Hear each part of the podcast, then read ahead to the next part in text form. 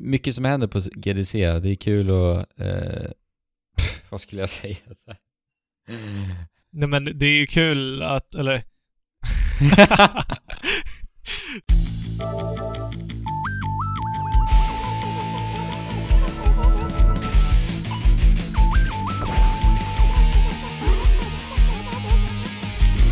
Hej och välkomna till Trekraften Podcast avsnitt 125 som presenteras i samarbete med M3.se. Mitt namn är Andrew och jag har med mig denna vecka Fabian och Alexander. Hallå, hallå. Vi sitter båda här. Mm. Hur har ni vårkänslor? Eh, ja, det kan man lugnt säga. Det är ju sommar nu, om vi tittar på klockan i alla fall. Så det är ju Ja. sommartider, så att... Eh, Jo, men det är ju. vår, vårkänslor har man definitivt just nu. Minns, Ja. minns ni en gång i tiden när vi var lite av en väderpodd i våra inledningar? Ja, men det var i början Ja. när vi drog igång podden, Ja, när vi inte ens visste hur vi skulle ha- hantera en podcast riktigt. Nej, Precis. precis. För att komma igång med det här lite lösa snacket så pratade vi Ja. väder som vi svenskar gör. Ja. Precis. När det inte finns något annat att prata om så pratar vi väder. Tror ni inte att det också ledde till att folk kände sig lite bekväma när de började lyssna på oss första gången? För att det, det är de bekväma med liksom. Att Ja, det får ju lyssnarna, vädret. det får ju lyssnarna avgöra, så tyckte ni att det Okej. var så, ni som var med från början? Ja. Eller det ni nya lyssnare som hör det här nu, tycker ni att vi borde prata lite mera väder? För att- Ja. Lite mer det är ju frågan. Ja. Vad skulle ni säga att det är för väder ute nu? F- för mig är det väldigt soligt och omolnigt och ganska varmt. Vi gjorde ju den här jämförelsen en gång, att vi jämförde spelföretagen med vädret. Där det var Sony-väder, Nintendo-väder, Xbox-väder. Jag skulle säga att det är ett Sony-väder nu faktiskt. Sony-väder. Ja. Ni då? Jag har ju Xbox-väder här. Vi bor ju en bit ifrån varandra. Och Fabian, vad har du? Nej men jag har väl Playstation-väder också. Ja, gött. Gött. I dagens avsnitt så kommer vi prata om många av förra veckans helt galna spelsläpp. Vilken vecka det var förra veckan. Det släpptes Mm. ju så mycket storspel. Eh, Men Alex, jag vill bara fråga dig en fråga. Känner du kraften i ditt liv numera? Ja, som jag sa så lever jag, så har jag ju Xbox-väder här nere. Ja. Och med det så har jag ju också spelat en hel del Xbox på senaste tiden och eh, inte minst på en Xbox One X. Wow! Oj, oj, oj. Mm. Kraft till 100%. Eh, alltså jag, jag har ju faktiskt fortfarande ingen 4K-TV. Så att jag har ju inte riktigt fått liksom klämma ordentligt på den här och se vad den faktiskt kan prestera. Nej. Vilket är lite synd. Och Ja. eh, de spelarna jag har spelat på den hittills är ju två av spelen vi kommer att prata om idag. Ja. Ja. Och jag har inte sett, eh, sett riktigt the, the power of the X riktigt ännu Nej. på Xbox One X. Du har ju till och med kvar din eh, vanliga original Xbox också, visst är det så? Ja, eh, så när jag har spelat bland annat Sea of Thieves som vi kommer att prata om sen så har jag liksom hoppat emellan tre olika rum och spelat. Ja. Delvis här där jag sitter Ja. nu. Och sen har jag Xbox One X i vardagsrummet. Och sen har jag min Xbox One i sovrummet. ja. Så att jag kan liksom Ah. välja vart jag vill spela det här piratäventyret hela tiden. Och, men, men där måste jag säga att jag är, jag är så himla imponerad över hur, eh, de, hur smidigt de här konsolerna funkar med varandra. Alltså hela Ah, Xbox-ekosystemet och hur det funkar liksom på PC.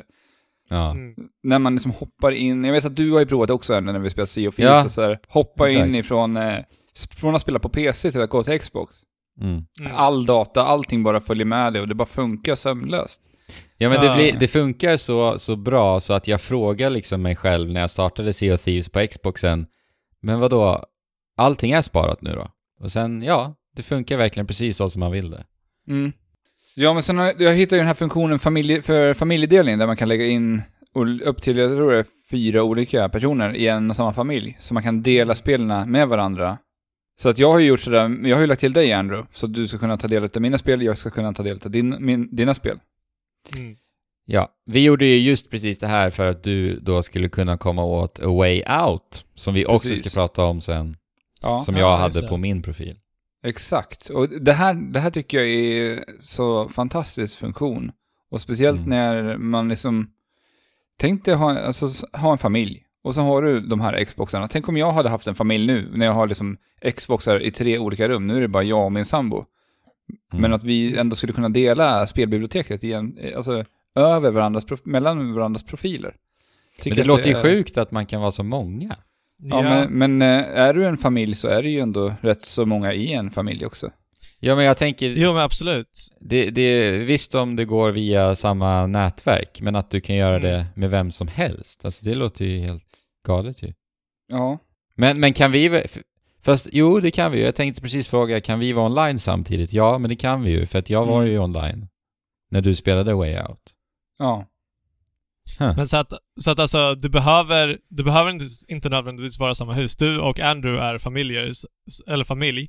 Så ni, ni kan liksom rent lagligt sett dela spel med varandra.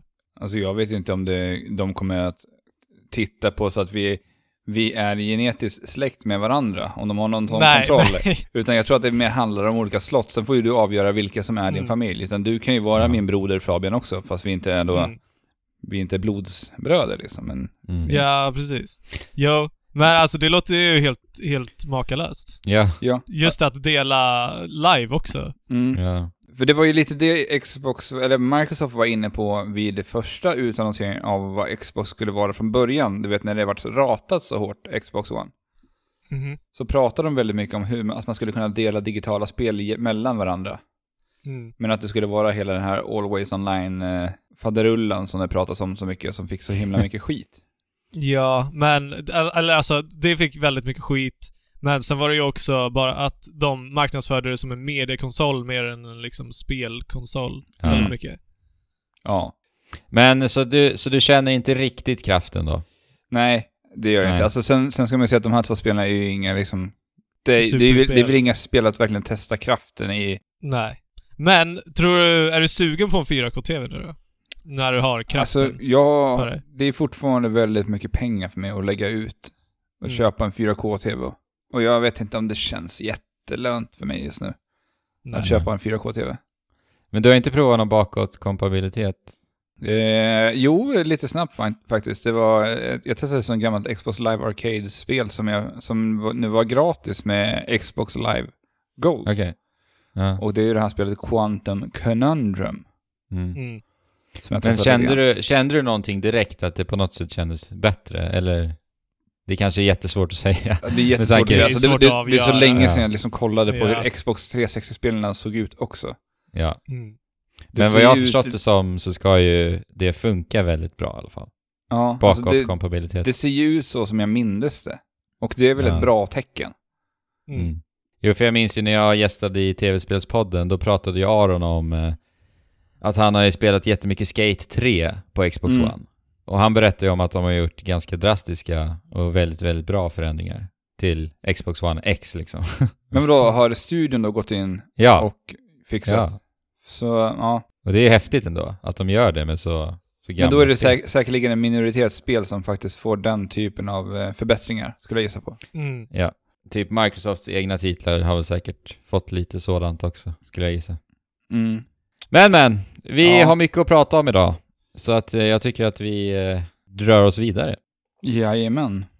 Alex, du har ju spelat ett JRPG. Mm, det har jag gjort. Det är inte varje dag. Nej, det är ju typ eh, föregångare. Nej, det är det inte alls. Det är ju Xenoblade Chronicles X som jag spelade innan det här. Sen är det väl typ Nino Kuni 1, tror jag. Ja. Och det var ju ändå två år sedan senast. Mm. Xenoblade Chronicles. Ja, Så du har alltså spelat vad då? eh, Nino Kuni 2, Revenant Kingdom. Som är utvecklat utav eh, Level 5. Och det här är då, som ni kanske hör, uppföljaren till eh, Nino Kuni. Ja. Just det. Det där monsterspel med Studio Ghibli. Ja, Level precis. Alltså, ja, ja. Nino Kuni vart ju väldigt uppmärksammat just för att det var ett samarbete mellan Level 5 och eh, Studio Ghibli. Studio Ghibli som då är en filmstudio som gör eh, My Neighbor Totoro, Spirited Away, Prinsessan Mononoke, ja, det är mycket klassiska japanska anime-filmer. Definitivt. Så att eh, det, det vart ju, det fick man ju genast upp ögonen för med första och jag, jag tror att det var det som liksom sålde in det spelet väldigt mycket. Ja, verkligen. Det är ju superfint. Både, både första och det här spelet. Mm. Spelade du det första Fabian? Nej, jag gjorde aldrig det. Jag lånade ju ditt, jag har det fortfarande kvar för att spela det. Var det Ja, mitt spel? Ja. Jaha. och eh, Fabian och jag spelade faktiskt inledningen på en Mm. eh, projektor för några år sedan. Ja, Det var mysigt. Ja, den var ju så jäkla mysig. Ja. Oj, oj, oj. Mm. Lite hjärtskärande också. ja, det var en hemsk inledning. Ja. Men eh, nu ska vi inte prata om det första spelet. Eh, som jag sa då, så var ju första spelet ett samarbete då med Studio Ghibli rakt av. Ja, Men i, i produktionen av tvåan så fick vi ju nyheterna om att Studio Ghibli skulle, eller det, Studio Ghibli lades ner i- under produktionen av Nino Kuni 2. precis. För de skulle sluta göra, sluta göra filmer. Mm. Och det vart ju lite problematiskt för då drog sig de här ut, och de, men de har ändå tagit in typ konsulter ifrån Studio Ghibli som har jobbat åt dem. så Ja, de har ändå folk ifrån Studio Ghibli som har varit med på spelet fortfarande. Men inte som... Studion står inte med någonstans. Studio Nej. Ghibli. Nej, precis. Utan För det finns ju inte längre. Så det Nej, nej, alltså konstigt. det är lite luddigt där, för jag, de, de kommer ju med någon ny film igen. Jag vet att Miyazaki håller på med någon ny film. Men under namnet Studio Ghibli? Ja, alltså jag tror att det är så att de är tillbaka nu igen. Att de kommer tillbaka. Alltså jag, jag, är, jag är inte helt säker på det här. Jag har bara för mig att han är på gång med en ny film. Och att Jaha. det är Studio Ghibli som kommer tillbaka. Ja, ja. Men eh, alltså det märks inte att Studio Ghibli inte är med på det här spelet från, från vad jag har sett. Nej, alltså det, det finns ju väldigt mycket kvar utav Studio Ghibli. Och Mm. de har ju verkligen satt prägen i och med första spelet, så de har ju hela mallen att bara fortsätta köra vidare på. Ja, Ja, precis. precis. Så dessutom har vi Level 5 som också kör väldigt mycket på eh, anime-stilen i sina spel. Alltså någonstans så ligger ju Level 5s design väldigt nära Studio Ghiblis Ja, design precis. också. Jag tittar framförallt på Professor Layton, hur den spelserien ser ut. Ja. Så är ju inte den jättelångt ifrån designmässigt vart Studio Ghibli, hur Studio Ghibli-filmer ser ut. Nej. Det känns ju väldigt naturligt ändå att det är just Level 5 Ghibli går till och samarbetar med. Jo, precis. Men du känner att eh, deras DNA ändå finns kvar på något sätt? I alla fall? ja men det tycker jag, absolut. ja. ja, men det är härligt. Eh, men eh, Studio eh, vad säger jag, Nino Kuni 2 utspelar sig ungefär, alltså ett par hundra år efter det förra spelet. Ja, okej. Det är samma universum och allt. Ja, det är ju Nino Kuni då som den här världen heter, som då är eh, The Other World på engelska. Någon form av fantasivärld, eller? Ja, det är det här parallella universumet Ja, ja. till våran värld, där alla de här fantasifigurerna och roliga karaktärerna befinner sig. Mm. Men spelet börjar med att vi får se den här presidenten som heter Roland, som... eh, Det, det, ser ut att vara i Amerika. Mm. Okej. Och han sitter i en bil och det kommer en atom... eh, Eller kärnvapen flygandes emot staden. Oj. Och eh, snart därpå så exploderar den här bomben och när han vaknar upp nästa gång så befinner han sig inte längre i, i våran värld så att säga. Utan han, Nej. han har ju då... eh, Vaknat upp i Nino Kuni, eller vadå? Precis. Ja. Är, är Nino Kuni någon typ av så här Nangiala? Ja men det kan man ju säga. Så att, alltså är det ett, en värld bortom döden? Nej, det tror jag inte att det är. Nej. Utan, eh, alltså jag, jag kommer inte ihåg. Jag vet att det, det är så länge sedan jag spelade första spelet. För där, där reser man ju mellan de här eh, världarna. Vår värld Ja, och eh, The Other World. Ja, ja. Det gör man inte i tvåan, eller? Nej, inte än. Inte dit. Jag, jag har ju inte klarat av spelet än. Jag är ungefär inne på 15-16 timmar nu. Ja. Spelet ska vara dryga 30-40 någonstans. Okej, okej. Så enligt vad jag har läst om i alla fall. Eh, Ja, jag har sett det på några recensioner också. Men eh, vi, vi spelar då som den- här presidenten, Roland, i början och eh, möter snart på Evan som är kung i slottet i Ding Dong Dell. Och Ding Dong Dell är den platsen som... Eh, Vilket namn. ja, det, det var faktiskt den, eh, det kungariket som eh, Oliver från första spelet var kung över. Ah, okej. Så det är där spelet börjar. Så det här är hundra år efteråt som, alltså hans, hans tronarvstagare? Ja, Eller? ja precis. Så det här måste ju vara någon avkomma ifrån, eh, från Oliver då, på något sätt. Ja, okej. Misstänker jag i alla fall. Om de inte bara har rensat ut helt och hållet och bytt ut hela familjen. Ja, det kanske är en demokrati. Det kanske Alltså- är. Eller det kanske blev, jag vet inte. Det vet vi, inte, det vet vi inget om. Nej. Eh, men vi möter på Evan och eh, vi inser snart att eh, Evan är jagad och blir invaderad av Mausinger som är då den här... eh, Det är en typ en... Det är den stora antagonisten i spelet.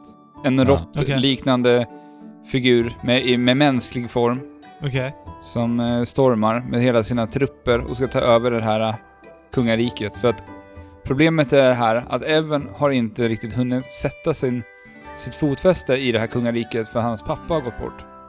Okej. Så han har liksom inte kunnat settla down ännu och bygga upp bygga upp sin, med sina trupper och allt det här. Så att han är ju rätt svag just i det här skedet när han blir invaderad. ganska ung Mm, det är han också. också. Han är Så att väldigt ung. pappan satt alltså på tronen precis innan då? Ja, Ja, ja då är med. så att eh, de blir attackerade när de är som absolut svagast i den här övergångsfasen från att även ska hoppa på tronen. Ja. Mm, Okej. Men eh, de, det blir ju målet att helt enkelt fly, för de har ju ingen chans. Nej. Och eh, snart möter vi på Nella som är en... Eh, jag vet inte om hon är någon syster till honom, men han är, hon är väldigt nära stående till Evan som är den här eh, kungen i Nino Kuni då. Eller Ding Dong Dell. Mm. Mm. Också protagonisten i spelet. Eh, nej, det är hon Nej. inte. Men hon... Nej, men Evan är. Ja, alltså Okej, hon ja. agerar ju lite mentorn till Evan. För att det, det hon säger strax innan, hon, hon, kommer, hon stryker med väldigt tidigt i spelet. I inledningen. Ah, okej. Och eh, har då ett sista, en sista önskan till, eh, till Evan. Och det är då att skapa ett kungarike där alla kan leva lyckliga i alla sina dagar. Och sen så Ah. efter det så, så händer det ju olyckliga såklart att Nella stryker med. Men det är ju det här mottot som Evan kommer att leva efter i spelet. Ah, okej. Så att det kanske var bra.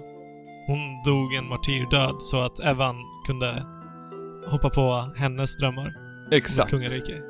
Exakt. Ah. Och strax efter det här så ger vi, ut, ger vi oss ut i den stora världen av Ni no Kuni. Och eh, det, här är det väldigt klassiskt så här, japansk RPG. Fr- Framförallt, framförallt om vi tittar på de här klassiska spelarna. Alltså vi har, vi har en overworld där med miniatyrfigurer, såna här chibi, chibi-stil ah, på dem. just det. Mm. Och eh, graf den grafiska stilen förändras väl helt och hållet i det här. Det blir väldigt så här, det känns som en riktig blinkning till den så här gamla 90-tals JRPG. Ja. Mm. Men hur funkar Är det randomiserade strider ute i overworlden också? Vi, vi ser ju olika karaktärer. Vi ser ju alla strider framför oss och vi kan ju liksom välja att avvika om vi ser att oj, den, den här Ja, karaktären skönt. står här och den har den här leveln så att jag kanske ska vika av åt det här hållet istället. Mm. Ja, för det är ju aldrig kul att hålla på och liksom gå i en overworld och utforska när det kommer random encounters hela tiden. Nej, det är ju faktiskt inte det. Och eh, det är också ett sätt att vägleda spelaren på något sätt också, eftersom att vi kan hela tiden Mm. se level på alla våra monster vi stöter på. Ja, ja. okej. Så, Så att eh, det, det är så här, det, det kan finnas en korridor som är avblockerad med högre levelade monster. Ja, eller ett berg där vi ser att det står en, eh, en drake som har level 45 på sig. Då vet vi kanske, ja ah, vi kanske inte ska gå upp den här Ja. draken ännu för att jag är bara level 15. Ah, okej. Mm. Så att det funkar lite så. Eh, och det här är, i Overworld så är det ju det enda stället i spelet där det faktiskt blir laddningsskärmar in till striderna. Så här, här har vi liksom, vi får den här klassiska effekten att det, är liksom, det blir någon visuell effekt, vi zoomas in i striden, och nu är det dags att strida. Och sen så strider vi där inne och sen så går vi tillbaka. För att när vi annars strider, när vi är inne på ett område, så är det så att de här karaktärerna är, de lever i den här världen så att så fort du bara närmar dig dem så triggas fighterna. Vilket Ja, jag tycker det. känns riktigt snyggt. Istället för att det ska bli så att du ska gå in i det här monstret, sen ska en laddningsskärm visas och sen ska en fight triggas. Mm. ja, det blir så äh, stapplande på något vis. Ja, men det blir ju det. Och, så, och det känns ju så otroligt åldrat på det sättet också, att eh, ladda fighting-strider på det sättet. Ja. Det blir Mm. så här tradigt så här, ja men orka ladda, ladda in fighten, strida jättesnabbt för alla här är låglevlade, och sen ska man ladda ur Ja. den där, ja, det, är- det, Ja men, alltså man vill inte tänka på hur, hur många timmar man spenderade i liksom laddningsskärmar och... ja, alltså, ja, eh, I typ Final Fantasy 7. ja, men fruktansvärt alltså. Jag kräktes ju över det här i Persona 5, och det minns Mm. ni Ja. säkert när jag pratade om det. Ja, för det, det är ju spel som verkligen har det, alltså så här, laddningsskärmar mellan fighter hela tiden. Ja. Visserligen är de ju sjukt stilistiskt snygga, men spelet är också 100 timmar långt. Så att, Ja. alltså snygghet räcker bara så långt. ja. Mm. Men vi kan gå in lite på striden och hur det funkar. Ja. Ja. För i striderna så blir det så att, tänk er att det blir som en, eh, en rund arena. Ja, jo. ja.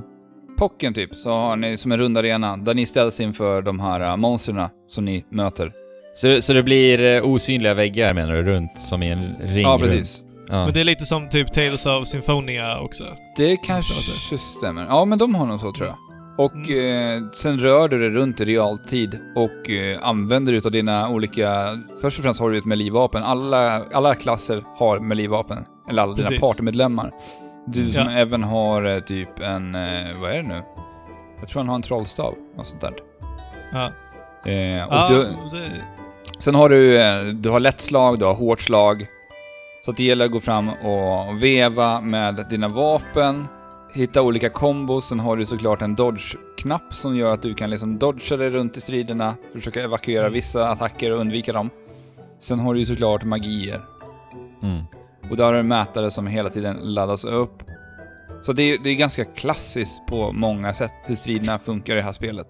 Men du sa kombos Mm. i närstriderna, alltså är det kombos menar du med enkla knapptryck eller har du typ... Ja, så det är lätt slag, lätt slag, lätt slag, ett hårt slag. Ja. Så att det, det är väldigt enkla kombos i det här spelet. Mm. mm. Eh, jag tycker att det finns ett eh, stort problem i det här systemet, för jag tycker att det är många gånger väl alldeles för långsamt. Att Okej. till exempel göra en eh, manöver för att rulla undan när du ser en atta- attack komma. Så känns det som att spelet inte tillåter mig att göra det jag vill göra. För att det känns som Nej. att det, det går lite för långsamt ibland. Än vad jag skulle vilja att det skulle göra. Jag skulle vilja ha upp tempot lite mer för att göra striderna mera intressanta. Men menar du att det blir eh, svårt att göra undan manövers på grund av att det inte är responsivt, eller vadå? Ja, jag tycker det. Ja. För att, alltså, man, jag kan inte undgå att jämföra det här spelet med så tajta actionspel. Nej, okej. Nej, För att det, så. det är ändå någonstans där det känns som att det är där sidorna vill vara. Alltså det, De det vill ska vara bli- där alltså. Ja men det, det- de, de går ändå in för att köra någon slags realtidsfighting. Mm. Mm. Jo, jo. Och då vill jag verkligen ha det sådär otroligt, sådär riktigt, riktigt tight och få den där känslan Mm. i, i striderna, vilket det inte riktigt blir. För det handlar ju mer om så här att använda det av magierna i rätt situationer och... Ja, men det, bruk, det brukar alltid vara så i sådana här RPG-spel som, som också vill ha li, lite mer realtidsstrider. Att det fortfarande på något sätt är lite turordningsbaserat. Och alltså, typ när, när en, ett monster initierar en attack så kommer den alltid att falla och typ... Ja, Och det på, på, någon, på något sätt så blir det väldigt svårt att liksom få det att vara tight. Ja. Och jag alltså, förstår inte riktigt varför de inte gör det, för det finns ju möjligtvis... tänk tänk dig miljon- det som att göra ett spel på det här sättet och sen har vi fighting, fighting mekaniken ifrån ett spel som Bayonetta. Att vi har Ja. ett sånt tight gameplay som gör att varenda strid känns sådär, du måste vara på tårna hela tiden. Alltså, Ja. striderna i det här spelet är... De, de, jag tyckte det var kul till en början, men nu efter 15 timmar, jag börjar tröttna på det här. Men alltså jag tänker ju, en kompromiss blir ju, eller kan jag tänka mig, kan ju vara att man istället låter striderna vara mer strategiska. Mm. Men... ja, men det, det är nog tanken, tror jag. Ja. Ja. det är det som är tanken. Men problemet är att jag har aldrig behövt liksom tänka Nej. strategiskt heller. Det var det jag skulle För fråga, om det är då kanske utmaningen som är problemet, eller? Ja, det skulle jag säga att det. För att om det är för enkelt och, och att du faktiskt kan klara dig genom att bara göra de här närstridsslagen, eh, lätt attack, eh, hård slag, Mm. då, då faller ju resten av striderna. Alltså ja, för striderna är väldigt sällan riktigt utmanande. Jag har ju inte blivit... Jag har blivit sänkt typ en eller två gånger och det har att göra med att jag har gått till eh, ställen där jag inte riktigt har varit levlad nog att Ja, okej. vara ännu. Mm. Vilket jag tycker är lite tråkigt för att eh, de, de gör ju mycket intressant. Bara att jag hade önskat att tempot hade trappats upp ännu mer för att det hade för mig pa passat min spelstil mycket bättre. Mm. Och det där tycker jag man hade kunnat gjort med olika karaktärer för du kan ju också välja vem i ditt party som du faktiskt vill spela. Ja, Men ja. alla funkar ju väldigt likadant. Alltså så här, just med den här manövern att uh, dodga till exempel. Jag Ja. hade velat att olika klasser fungerade olika. Att större gubbar kanske rör sig långsammare. Mm. Och verkligen få känna det i, i kontrollen. Men det är ingenting som man märker av direkt. Hmm, tråkigt. Eh, sen har vi också, vi har ju rangevapen i sidan också. Så att vi har en funktion där vi kan skjuta. Som eh, Evan har ju sin trollstav så han kan skicka iväg liksom lightningbollar och sånt där. Mm. Mm. Och så kan man ladda upp det här slaget också. Så att det, det blir också som en sån del i det strategiska och använda sig utav eh, långdistansvapen. Mm. Mm. Sen eh, har vi med eh, de här närstridsvapnen så har man alltså tre olika vapen man kan ha equippade samtidigt. Och de har också en kraft på sig. Så att den, eh, det börjar på 100% och ju mer du slår med det här vapnet så minskas den här procenten. Vilket gör att du måste, du måste byta vapen hela tiden. När den här har gått Ah, ner, när okej. procenten har gått ner. Sen kan du välja att göra det här med ett semi-automatiskt eller att datorn sköter det helt och hållet så att du inte behöver tänka på det här. Ja. Eller att du gör det helt manuellt så att du kan liksom hålla koll på mätaren och energin i vapnen så att du switchar själv. Okej, hur kör du då? Jag kör så att den switchar automatiskt själv för jag, det, Okej. det blir för mycket för mig att hålla på och titta runt och det händer ju rätt mycket i många strider där vi har två andra partymedlemmar med oss. Det blir mycket visuella effekter emellanåt. Och för ett eh, gammalt eh, 30-åriga, gam, mina gamla 30-åriga ögon så blir det här rätt mycket att hålla koll på. Så att Okej. skönt för mig att jag ändå kunde välja att spela på automatiskt. Men, men det låter ju annars som ett ganska roligt minispel liksom i spelet. Som kan få det att kännas lite mer engagerande. Ja, alltså jag, jag- som, sa, som jag sa, jag hade riktigt kul med det i början, men så här, det har inte till, lagts till tillräckligt mycket intressanta grejer för mig för att det ska liksom hållas eh, vid liv. Men jag har en idé här. Ja. Har fienderna och bossarna svaga punkter på något sätt, eller? Eh, inte de här mindre monstren. Men när vi, när, när vi kommer till större bossar så finns det svaga punkter. För jag tänker ju då att exempelvis så skulle det kunna vara så att eh, som i Fire Emblem exempelvis, då har vi ju det här vapentriangeln. Mm. Mm. Och att fienderna kanske skulle kunna ha något sånt. Att du behöver använda en av de här tre olika närstridsvapnen på den här fienden för att Mm. göra lite extra skada. Ja, men nu är det ju så här att de har ju, alltså i vapnen också. Det hade också, absolut, det hade varit ett intressant system. Mycket bättre än vad det är nu, för nu kan vi bara så här, som eh, Roland då, som har eh, svärd som Mm. sitt vapen.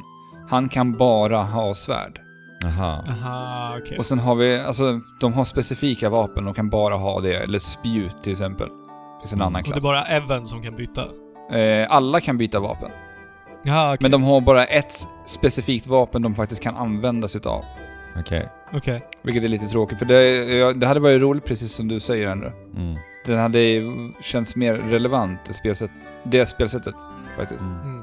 Sen har vi, vi du- jag tror när någon utav er nämnde att det här var ju, Nino Kuni 1 var ju ett monsterbaserat spel alla Pokémon, lite grann. Mm, precis. Just det. Det är någonting som jag saknar oerhört mycket i det här spelet. Ja, Jag, det är det, jag, hade alltså. inte, jag hade inte jättekoll på att den här komponenten var borta ur Nino Kuni 2. Så jag Nej. gick ju och, och lite hoppades på när ska jag få mina monster, när ska jag få mina monster? Nej! Ah, okej. Det var nej. jobbigt. Ja, När det inte Och- hände. ja det var riktigt eh, segt faktiskt. Ja. Och jag jag har funderat lite på varför jag gillar den grejen med att ha monster också. För att Mm. I, i Nino Kuni 1 så var det så himla härligt att gå och utforska nya platser och se de här nya monstren och, och veta att jag kan fånga alla de här monstren om jag vill. Mm. Och då kan man så det- forma sitt egna lag och det blir någonting så, här, någonting så himla härligt i att så här handplocka sitt lag. Mm. Och så blir det dessutom lite så här. striderna har en större mening Ja, också. och för att jag vill liksom hjälpa mina monster framåt. Jag vill att de ska utvecklas, jag vill att det ska hända någonting. Ja, för de utvecklades i Nino Kuni 1 också, eller hur? Ja, minimalt dock. Men eh, de gjorde det. Ja, för det också, bidrar också till den här eh, liksom relationen man ändå bygger upp med dem. Mm. Och ger en anledning till att liksom grinda, eller ytterligare en anledning att grinda om Ja. det finns grinding-element i spelet. Ja, Finns det det? eh, ja, det gör det. Men jag har ju som sagt inte behövt grinda speciellt mycket. Nej. Jag har men inte det, haft det så, så, my- så mycket utmaning i spelet direkt. Mm. Men eh, de har ju ersatt monstren med någonting annat och det är något som heter Higledis och det här är små... Hingladis. Higledis. Jag gillar namnen på allting. Va, va, Mm. vänta, vad va hette... Hi- Higladish? Higledi.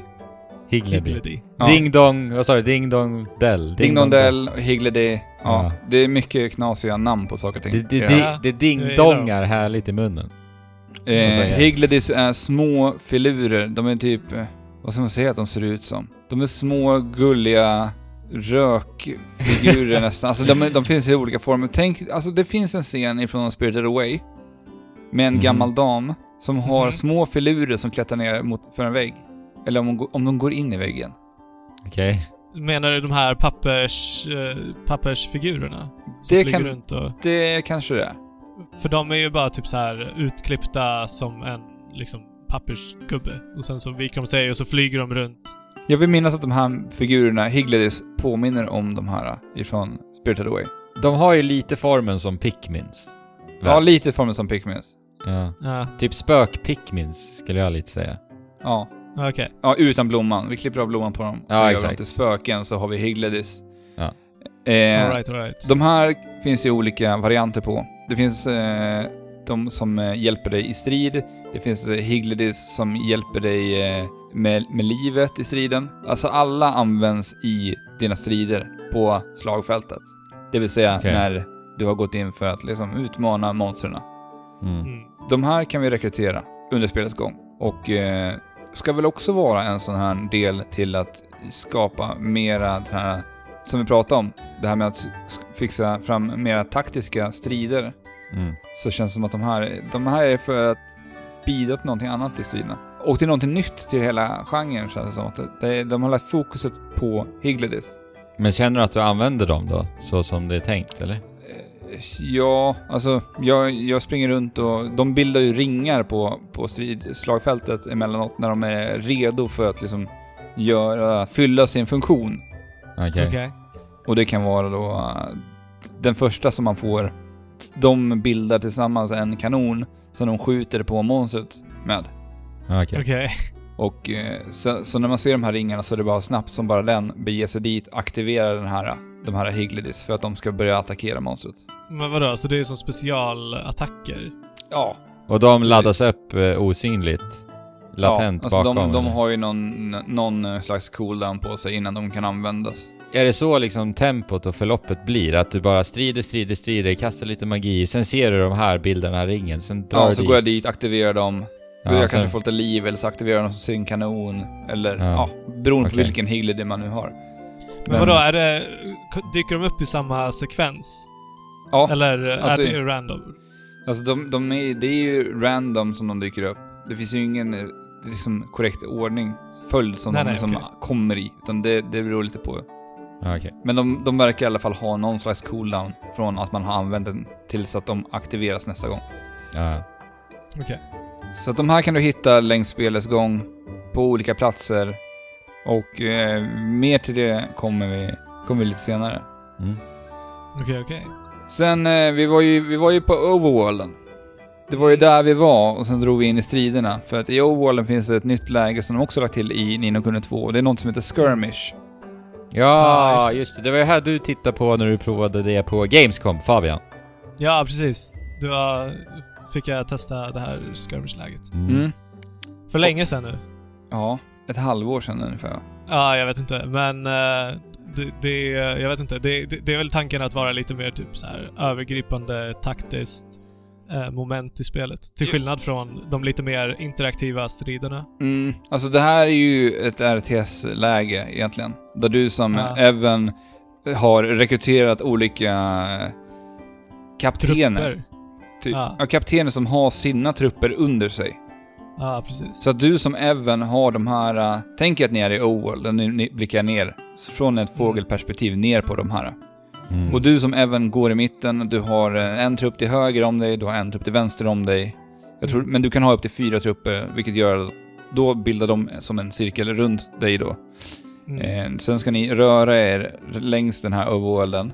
Och eh, då kan vi ju kolla tillbaka till, Andrew, du nämnde förut det här med sten, sax, påse-systemet från Fire Emblem. Mm. Och det har de just i skirmish-läge. För här kan det vara Ja, så att eh, vissa, typ som pilbågen, kan vara starkare emot det där vapnet.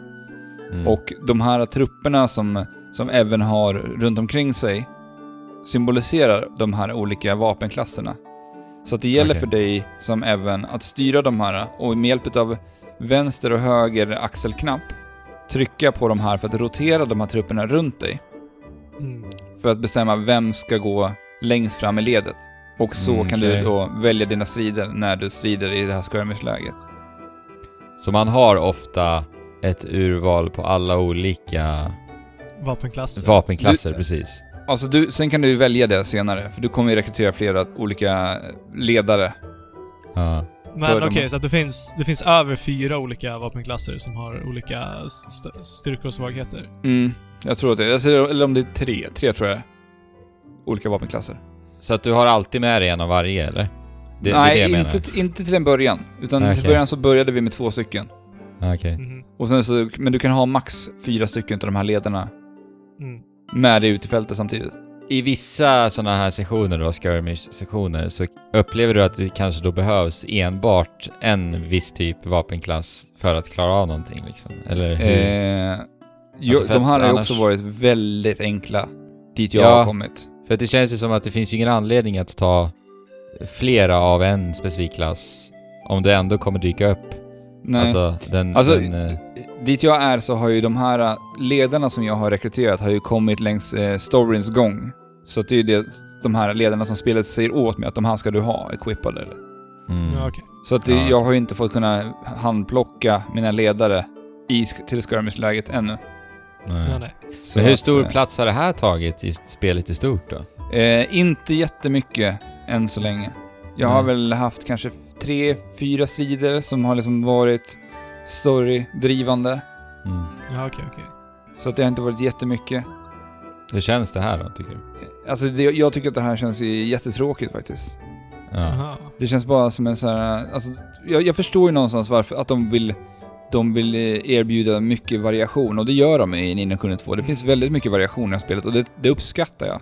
Mm. Sen så tycker jag att det här läget kunde ha finslipats lite mera, för det känns inte riktigt så här genomtänkt. De här olika trupperna har ju också olika funktioner. Det finns en trupp som kan kalla in, eh, de här Sky, vi har en Sky Pirates-ledare. Och den Sky Piraten kan kalla in då flygplanstrupper som kommer och bombarderar. Ja, just det. Så att du kan med hjälp av RT-knappen hålla in och sen sikta i en riktning. Beroende på vart du vill att de ska bombardera. Mm.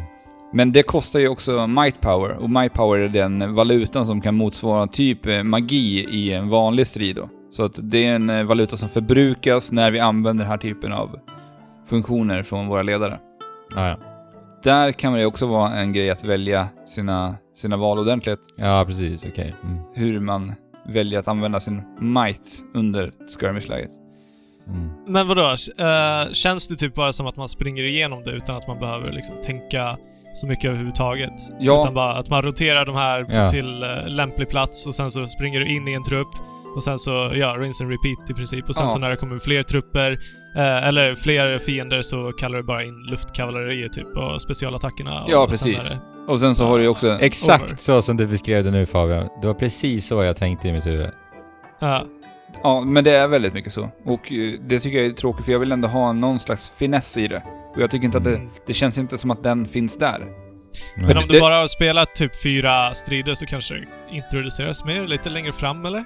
Det kan den göra. Alltså jag har ju provat på de här, eh, det finns ju att hitta de här ute lite utspritt i Overworld också. Som du kan liksom... Mm. Om du tycker att skirmish är kul så kan du prova lite mera i bara Overworld. Okej. så att jag har ju testat på det här för jag tänkte så här, men det här måste ju, alltså är det här kul? Jag måste ju prova på det här. Så att jag har ju Mm. tagit några extra sidor, men jag tycker verkligen inte att det är roligt. Nej. Eh, det fin- de introducerar rätt mycket mekaniker till det här läget. Det är så här, du, först har du den här uh, might, might power som du kan använda till, att, till de här olika funktionerna som uh, bomba. Sen har du ju en annan funktion som du kan göra att du kan uh, ressa dina trupper genom att hålla in B och det kostar också might power.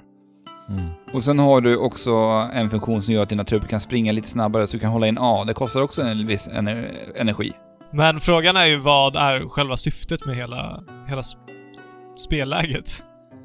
Ja, Är det variation Va, eller? ge, ger, ger det någonting eh, liksom till resten av spelet på något sätt, eller? Alltså, för mig känns det som att det finns där för någonstans skapa en känsla av att du som även bygger upp det här, äh, håller på att bygga upp någonting. Okej. Från att liksom ha förlorat hela King- Ding Dong Dell till att bege dig ut i den här världen och börja liksom bygga någonting från början och ha med dig de här trupperna ut. Så att det för mig, jag tror att det handlar mycket om att bygga världsbyggandet. Mm. Att skapa något så här, få det att kännas som att du är på väg någonstans. Du har rekryterat de här trupperna. Du har, du, nu gör du någonting. Men det låter fortfarande som att det nu bara är liksom helt separat från resten av spelet som liksom ett minispel som inte ger dig någonting Mm. mer.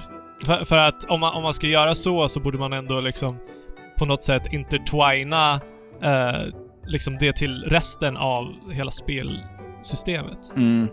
Alltså, Men det, Det är inte så. Nej, jag, jag tycker inte det. Jag tycker det här faller rätt platt alltså. Mm. Och Alltså, Det- om det bara handlar om att liksom dina kaptener får en högre level eller får lite experience. Mm. Det är ju det det handlar om. Det är de man levlar upp också. Ja, okej. Men s- som, som du liksom kan eh, strida med ute i vanliga strider också? Nej, de är bara Nej. för skirmish, de här ledarna. Ja, okej. Så, Så det är helt separat, Ja. liksom? Men jag tänkte på när du pratade om va- vanliga striderna förut också. Eh, du pratade ju om att det kan finnas fiender som har lite för hög level för dig och sånt i Ja. den öppna världen och allt vad det är. Uppmanar spelet dig på något sätt att liksom göra avstickare? Och klarar man av det, eller är det enbart för att skärma av, hit kan du inte gå nu? Eller är det hemligheter satta? Förstår du vad jag menar? eh, ja. Eh, de lockar ju med mycket skatter ute på världskartan. Ja. Så det blir ju lite den här moroten till att faktiskt bege sig ut och utforska. För det ligger alltid skattkistor gömda precis överallt i den här overworlden. Ja. Så att Mm. börjar man på en avstickare så kan det bli att man slutar upp på, framför en, en, eh, ilsken drake på level 50. Så det kan vara lite minibossar och sånt? Eller? Ja, det, det finns eh, en... eh, Ja, de har jag kommit till nu. Det finns en sån här typ... eh, De är lite mer ilskna. De har någon sån här förbannelse liggandes över sig, de här monstren. Mhm. Ja, okej. Som eh, du som den här kungen ska ta ner och eliminera alla de här över hela världen. Jag antar att det här kommer senare i spelet bli som ett sidouppdrag, att liksom ta ner alla de här. Så det finns inga unika minibossar? Eh, inte vad jag sett på än så länge. Nej. Det kan hända att det dyker upp någonting sånt. Mm. Ofta, i alla fall till Final Fantasy-spel, så finns det ju liksom sidobossar i endgame. Ja, Det kanske finns här också.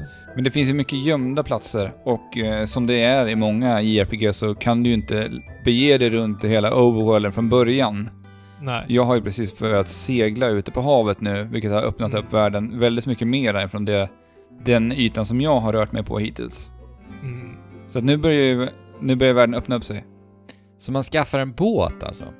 Mm, Vad Ja, mysigt. Kommer man flyga sen kanske? det kanske man gör. Men som jag sa tidigare så ska ju Evan då starta upp det här, bygga upp det här kungariket. Om Mm. till sin hjälp så behöver de ett monster för att alla kungariken i den här spelvärlden har ett monster som beskyddar deras kungariken. Ja, okej. Och eh, Evan hade inte fått sitt monster innan vi började be oss, eller innan han tog över kungatronen i Nej. Ding Dong Dell. Ja, okej. Så att det blev det första uppdraget för E- Evan och Roland och company. Att ut och, ut och hitta Evans monster som, som ska beskydda hans blivande kungarike. Okej. Är, det, är det typ så här att det finns ett orakel som du kan gå till typ som eh, ger dig ett monster? Eller... Alltså, är det ett fast monster eller kan du bara liksom scouta? Eller är tanken att man ska scouta och bara hitta något monster som vill hjälpa dig, eller? Nej, det var det jag hade hoppats att man skulle få välja sitt egna monster. Men det, Det, kanske fast. hade blivit ditt monster som du saknar ifrån ettan liksom. Det hade det kanske blivit. För att det, det är ju ett förutbestämt monster. Ja, okej. Okej. Det, ni har kanske sett det här lilla gulliga monstret som ser ut som en eh, skev eh, Lisa Simpson? Ja, jag har sett Ja. det. Mm. Är det det monstret? Ja.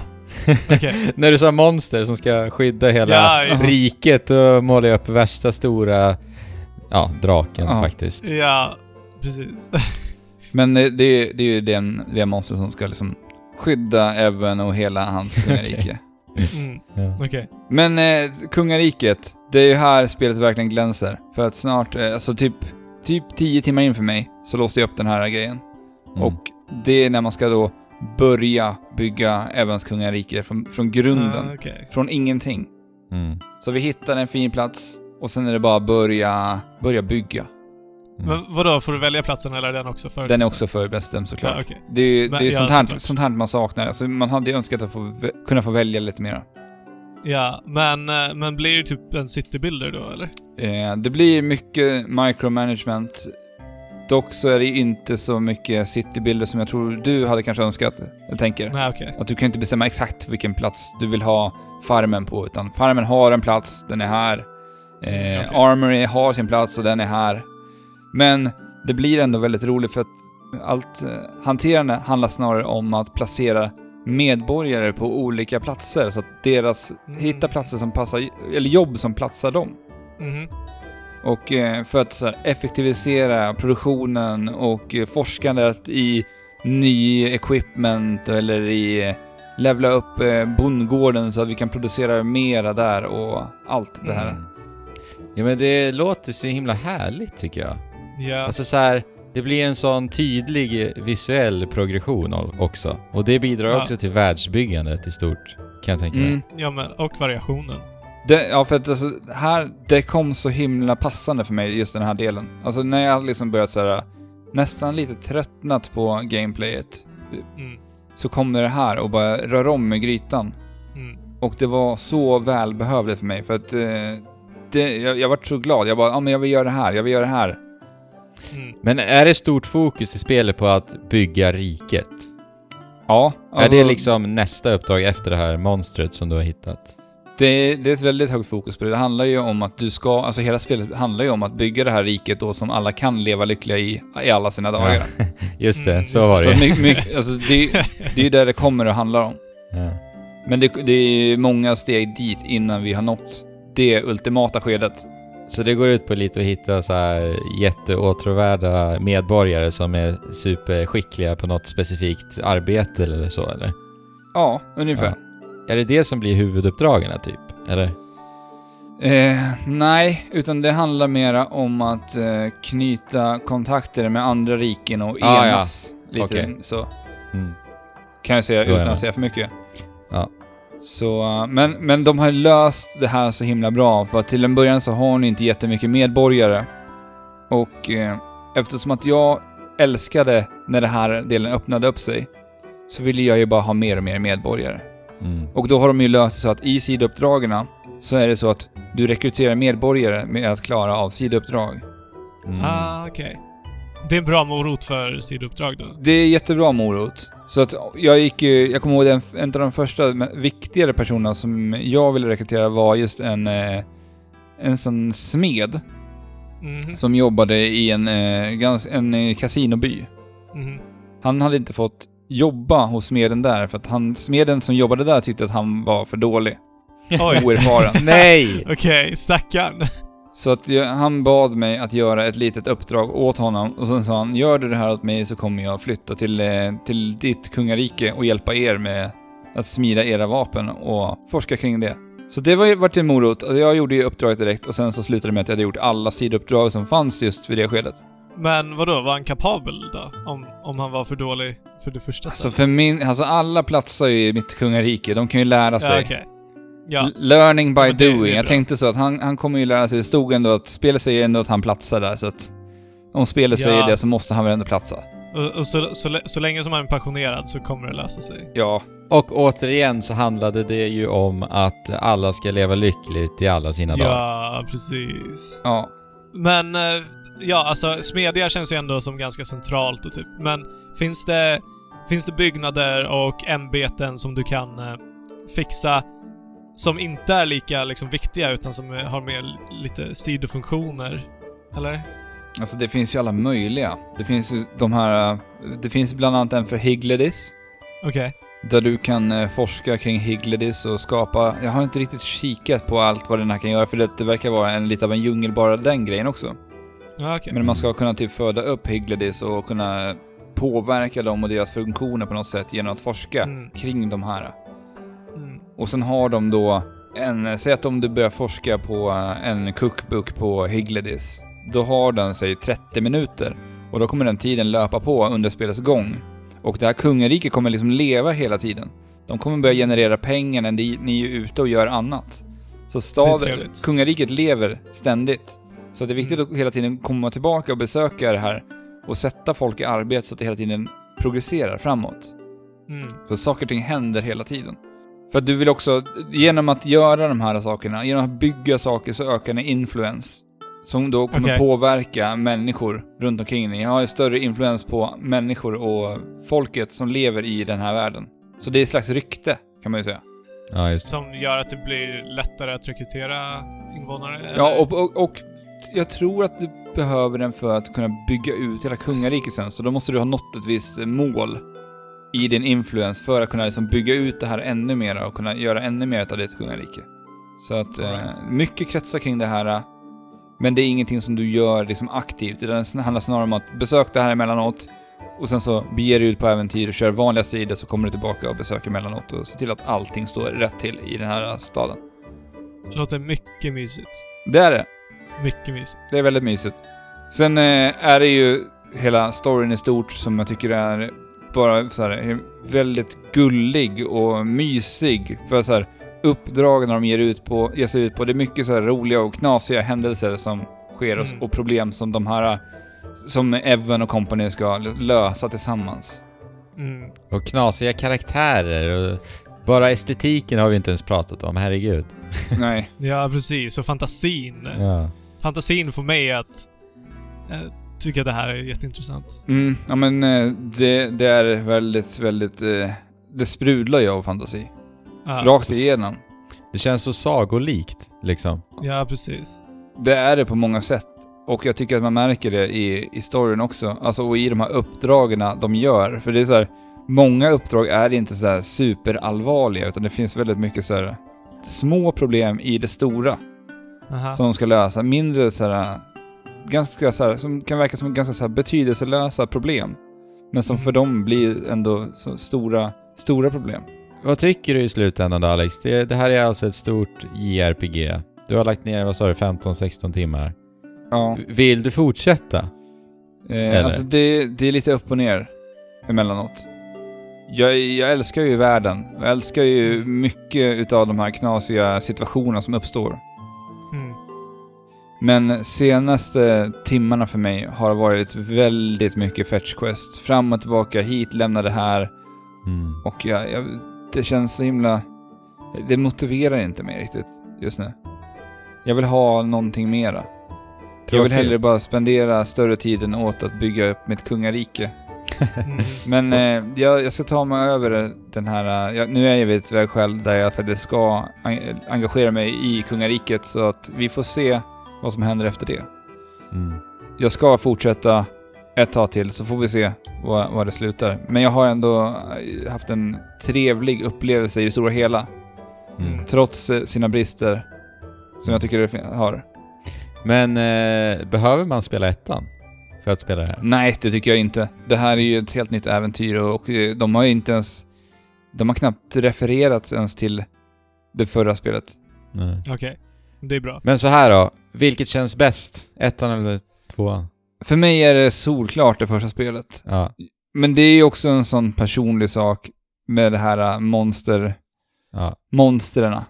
Mm. Som jag verkligen uppskattade från det första spelet. Att, Så att har ni möjlighet att spela Nino Kuni, då skulle du rekommendera det före tvåan? alltså, ja, det är svårt att säga nu också. Det är så länge sedan jag spelade det. Ja, Minnena av Nino Kuni 1 är ju mycket starkare. Ja. Mm. Men det var ju också så här, det var någonting så himla nytt när det kom. Mm. Alltså Studio Ja. Ghibli göra ett spel tillsammans med en spelstudio, det var ju så här: wow, shit, vad händer? Mm. Mm. Men du, jag tänkte på, du sa att man trycker på A och du sa att man trycker på B. Och jag, jag kan tänka mig, bara för att inte skapa någon förvirring där, för spelet är ju inte släppt till Xbox. Nej. Nej, utan du har ju spelat på PC med en Xbox-kontroll. Mm. För det kommer ju till PC också. Ja, PC och PS4 är Mm. det ju. Exakt. Men eh, är ni Studio Ghibli-fans, gillar ni JRPG och inte är som jag och vill ha lite mer utav JRPG, för att jag tycker någonstans att det står och trampar lite för mycket i så gamla JRPG-spår. Ja, okej. Jag vill, jag vill se, alltså det kan göra så mycket mer intressant i JRPG. Mm. Om man bara vågar sätta lite mer intensitet i strider så kan det bli så mycket roligare. För att jag, jag, jag gillar ju JRPG när jag väl orkar ta mig in i dem. Problemet Ja. är ju för mig att eh, kurvan att liksom ta sig in i ett JRPG är oftast så himla krävande för mig. Det tar så lång tid innan jag liksom börjar förstå saker och ting. Och det var ju problemet för mig med det här också, för att det introducerades så otroligt mycket mekaniker tidigt i spelet, vilket gjorde att eh, så här, starten för mig vart riktigt tradig. Ja, det blir överväldigande. Mm. Det, det är ju inte riktigt som ett Mario-spel liksom. Som Nej. man bara hoppar in i och kan ha kul med från första början. Nej. Riktigt. Men- Utan det, det är en investering liksom. Och kräver lite ett engagemang för att man ska få en relation till hela världen. Så är det. Men problemet jag har i, i många JRPGs, det är just att det lyckas inte att engagera hela vägen. Nej. Det är ju Nej. det som är oftast ett stort problem. Just för att de är så långa och sen så blir det så repetitivt för att visst, det är väldigt överväldigande i början men sen är det bara det du gör också i resten av spelet. Mm. Och jag avskyr när man bara hittar typ den här eh, rotationen i attacker som man använder liksom Ja. i Precis, precis. 20 timmar. Ja. Ja men det, det är så jag känner med Nino Kuni 2. Jag har liksom inte behövt tänka om i mina strider. Nej. Och där hade man ju kunnat gjort så mycket mera. Och speciellt med tanke på de här Higledis man har. Man kunde ha använt dem mer på ett annat sätt. Jag mötte faktiskt på en intressant eh, ny Higledy igår. Som faktiskt tillförde någonting till spelmekaniken. Och jag hoppas att det kommer fler av den typen som faktiskt Mm. Förändrar striderna lite grann. Nej, men Alex, jag förbjuder dig att prata mer än Nino Kuni 2 nu för att vi har nästan pratat i en timme om det här. Ja, det gör vi. Ja, Ja. okej. Så att eh, nu går vi vidare helt enkelt.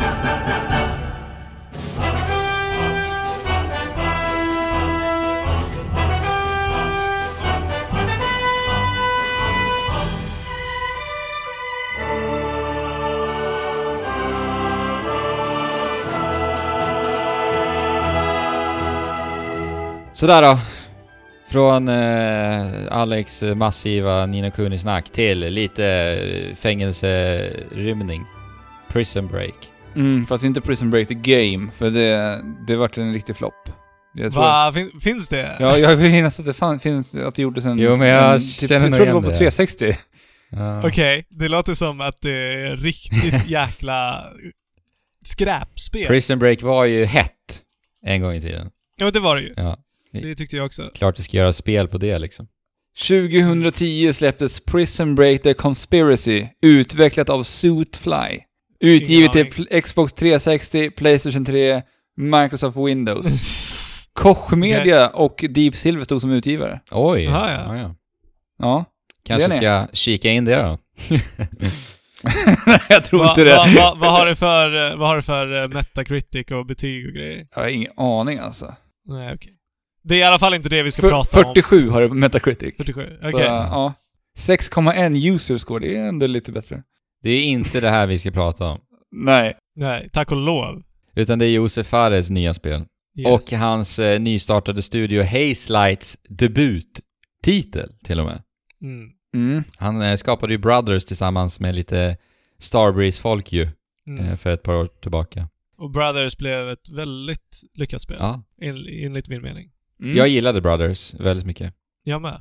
Det var ett riktigt trevligt spel faktiskt. Vågade testa lite nya saker. Mm. Ja. Också ett sagolikt spel. Ja, precis. Och sen så har vi Josef Fares som liksom är en veteran inom eh, att skapa film.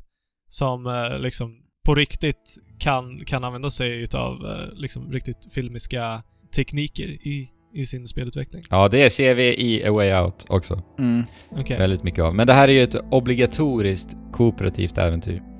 Det går ju alltså inte att spela ensam. Det är spännande. Och det spelas enbart i split screen dessutom. Oavsett om du spelar lokalt eller om du spelar online. Mm. Och det fina som EA och Hazelight gör, nej det här är inte EA, det här är bara Hazelights idé. Det är att Mhm. om du Fabian hade köpt det här spelet och du vill Mhm. spela A Way Out med mig, Mhm. då hade du kunnat skicka mig en så kallad friend token. Ah, Okej. Och det ger mig en kod att låsa upp spelet. Så att man behöver alltså Fett. bara köpa ett spel. Och sen så kan du spela med en kompis. Men, har du begränsat med friend tokens att ge bort? Ja, en. En? Yes. Okej. Yes. Men, vill ni ha en upplevelse som ett kompispar, eller Mm. med en partner, vad som helst, Mm. då eh, kan ni ju helt enkelt dela på priset så blir det ju inte så jäkla mycket pengar. Nej, precis. Bra, Josef. Ja, verkligen. Det är relativt billigt också. Jag tror det är en 250-300 kronor någonstans. Mm, det ligger där Ja. någonstans. Ja. Va, hur spelade ni då? Ja. Eh, vi hade ju först tänkt att spela det här spelet med varandra, jag och Andrew alltså. Mm. Mm. Men sen så sa jag till Andrew, jag vet inte, jag kanske ska spela det med Linda här hemma. Och då sa Andrew, hmm, kanske jag ska spela det med min lady också. Mm. Så det är så vi har spelat det, båda två. ja. Och jag är partnerlös, så att jag har inte spelat det här spelet. Nej. Nej. Kommer du försöka fixa det Fabian? Vi får se. Vi får se efter dagens snack, eller hur? Då kan du bestämma dig. Jaså? Ja, men eh, vi ska ju dela med oss av våra åsikter nu, tänker jag. Mm. Om vi sitter och säger att det är skit, kommer du ändå kanske då välja? Jaha, ja, ja, ja, precis. Ja, Nej, nej. ja. Precis. Är du med att, nu? Ja, försök övertyga mig om, om att det här är ett spel som är värt att hitta en partner att spela med. Precis. Exakt Kanske. så. Ja. Eh, men vi spelar i alla fall eh, de två karaktärerna Vincent och Leo. Och det är då alltså vänster delad skärm är Vincent spelaren Ja, just och det. höger delad skärm är Leo spelaren. Eller vänta, okej. Nej, jag, jag, jag tänkte om de hade döpt det till hö- alltså typ Henry och Vincent som höger och vänster. Jaha, eller nej. Left Ja, men and det är right som... Men vi... eh, Left Nej, and det right. blir, sven- det blir svengelska i så fall. Ja, Ja, just det. det Vänster. blir vänster och... Nej, left. det blir fel Ja. ändå. För Ja, det blir det. Leo är ju Ja. på höger. Ja, Det blir vänster och left. ja, det är inte så.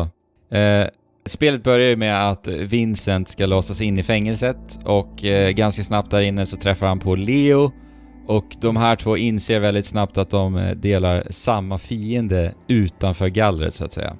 Ja, okej. Så att eh, tidigt i spelet så eh, bryter man sig tillsammans ut och därefter börjar en eh, hämndresa. Känns ju väldigt klassiskt va? Ja, superklassiskt. Men eh, alltså, det är väl inte kanske premissen som är det intressanta i det här. Nej, alltså det är ju personligheterna Primärt. tycker jag. De, de är ju väldigt, väldigt olika i personligheterna. Vin, Vincent är ju, presenteras väldigt så här som den kloka. Han är väldigt eftertänksam och reserverad lite. Okej. Medans Ja, men alltså, Leo... eh, han har ju den här korta stubinen och gör kanske lite mera Alltså självsäker. slarviga beslut. Så här, nödlösningar lite grann. Ja men impulsiv helt enkelt. Ja. Jag vet inte, du märkte ju Alex att det fanns en hel del blinkningar till så här gamla klassiska filmer i spelet till och med. Ja, alltså det finns ju en hel del Ja. sånt som jag har lagt märke till. Det finns ju en stor scen som är en jätteblinkning till filmen Scarface. Ja. Alltså Okej. he- hela den scenen är så här, de som vet kommer att känna igen den här scenen. Och jag menar, det är inte första gången vi ser en fängelseutrymning i populärkultur direkt. Nej. Eh, och jag kan väl tänka mig att det finns lite blinkningar där också. Jag har ju inte... Jag är ju inte en, en sån som sitter på mycket erfarenhet om sådana filmer, men jag kan tänka mig att det finns i alla fall. Mm. Mm.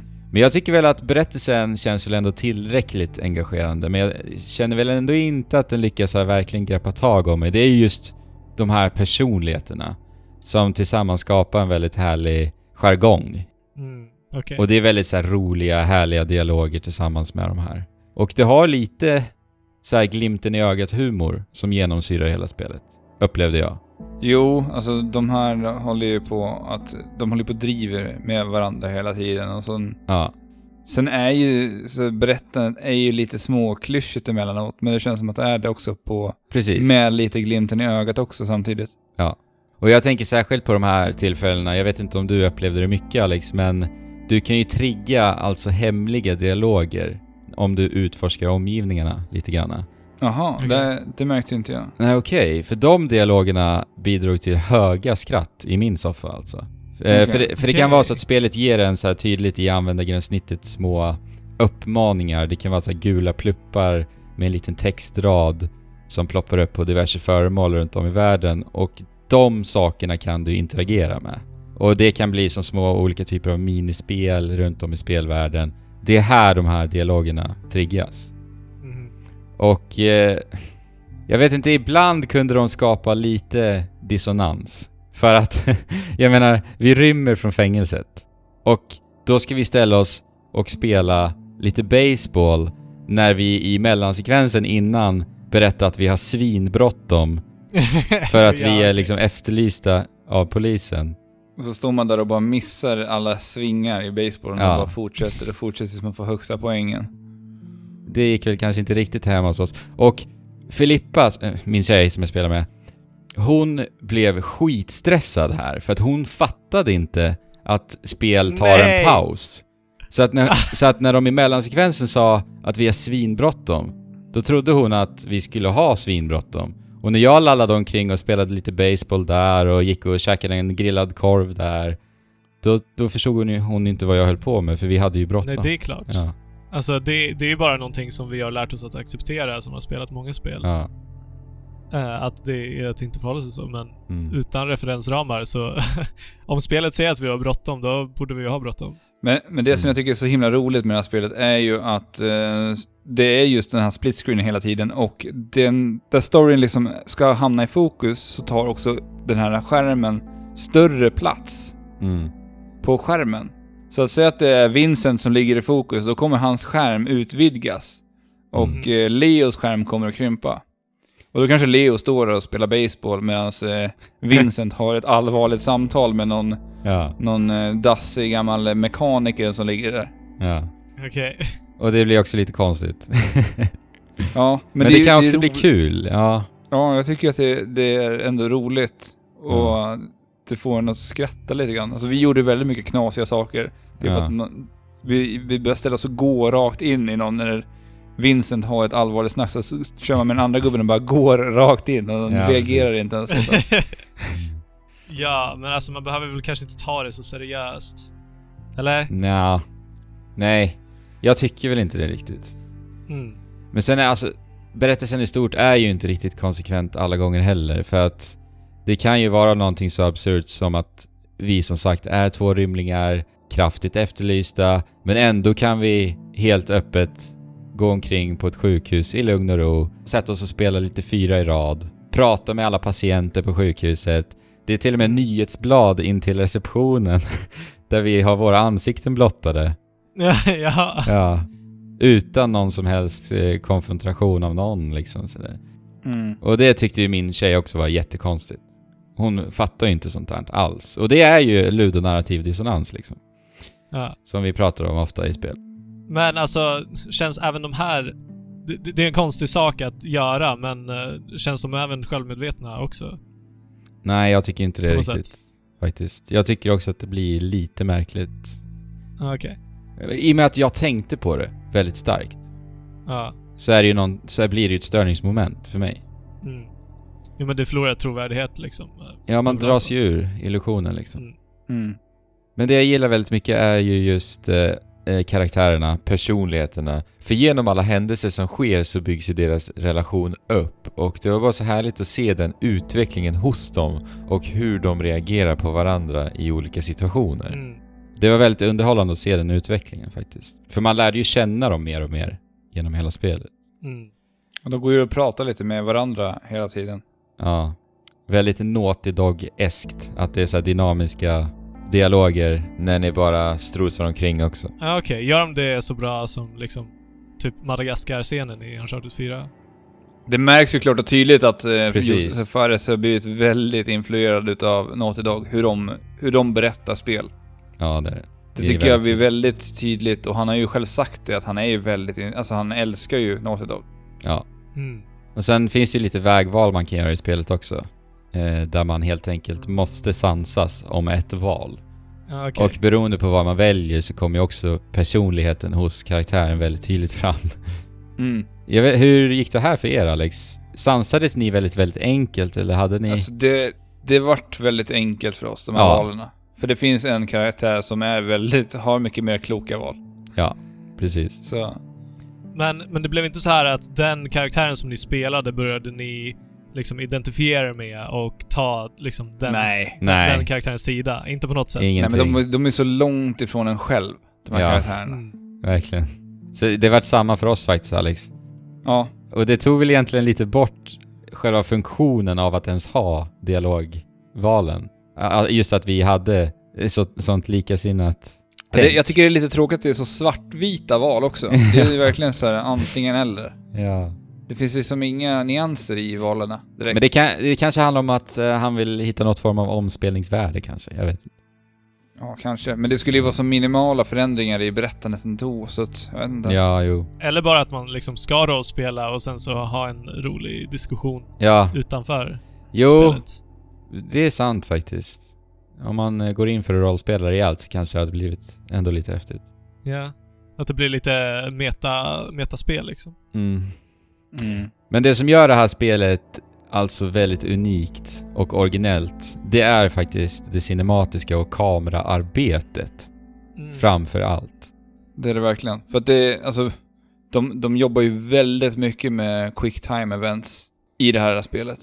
Ja. Mm, okej. Och mycket skriptade scener med riktigt fräsiga kameravinklar och slow motions och precis det här jag berättade om där, där eh, skärmen växer på den person som ligger i fokus och expanderar den skärmen ut och det sker en Ja. slow motion explosion, eh, slow motion explosion i den scenen och mycket, mycket häftiga scener som man möter på under spelets gång. Mm. Det finns ju en scen jag, jag tyckte var exceptionellt häftig. Och då är det helskärm. Och den karaktären som är i bild då, det är den spelaren som också då styr sin Ja. egna karaktär. Så att Hela säga. den scenen är ju min favoritscen i hela spelet. Ja. Där Och- han också gör en sån himla charmig blinkning till att påminna spelaren, glöm inte bort att det här är ett spel. Vet du vilken scen jag menar då? Eh, ja, jag tror jag vet vad du menar.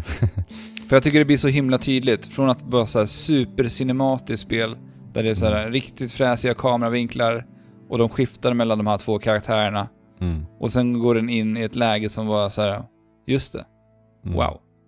Ja men det är så snyggt då för att kameran följer då alltså, vi säger Vincent. Och Vincent springer i en korridor. Och när Vincent rundar hörnet i den här korridoren, då, då fortsätter kameran åka framåt och sen in i ett ventilationssystem, ner under, sen ut ur ventilationssystemet. Och där ser vi då Leo hoppa ut ur ett fönster och sen är det Leo, den som spelar Leo, som då tar upp kontrollen. Och så spelar ah, vi Leo. okej. Mm. Det låter ju som en actionspäckad, liksom dynamisk Ja. upplevelse. Speciellt för någon som inte liksom, är supervan vid att spela spel. Mm. Och det är här jag tycker att spelet blir bäst faktiskt. För att det här är någonting vi aldrig har sett förut. Och det är här det blir unikt. Mm. För någonting som Josef alltid har uttryckt väldigt, väldigt tydligt i hans filosofi som spelutvecklare. Det är ju just det här att det aldrig ska återkomma ett och samma spelmoment. Mm. Ingenting ska repeteras. Och det är ju väldigt mycket varierade spelmoment i A Way Out. Och det kan ju vara allt ifrån att smyga upp på vakter, paddla tillsammans, bli jagad i bil och sen eh, kan det bli rent av byta genre.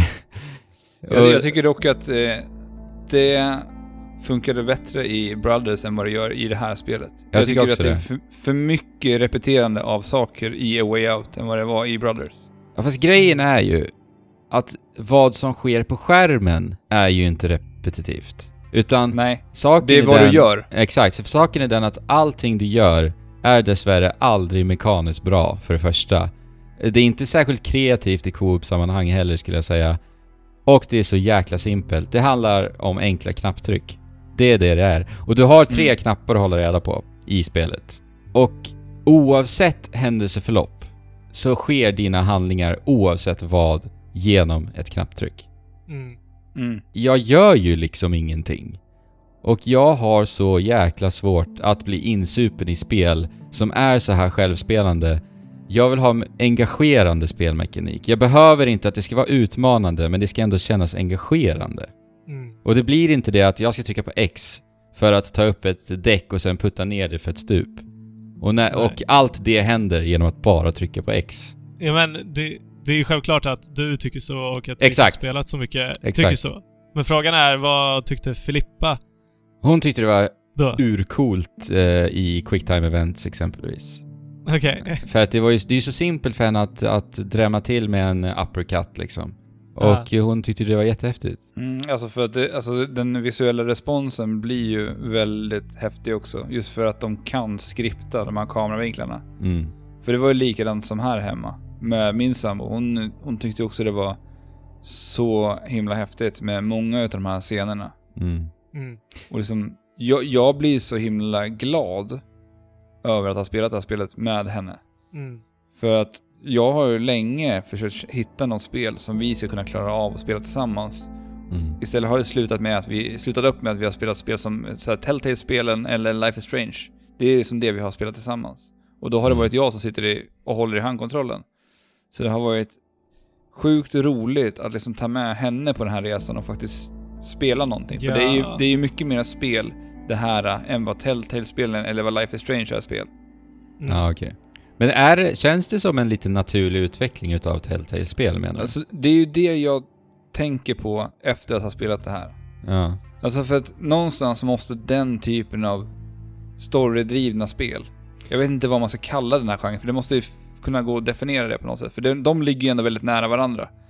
Mhm. Mm. Och jag skulle verkligen vilja se det ta nästa steg och göra spelen ännu mer cinematiska.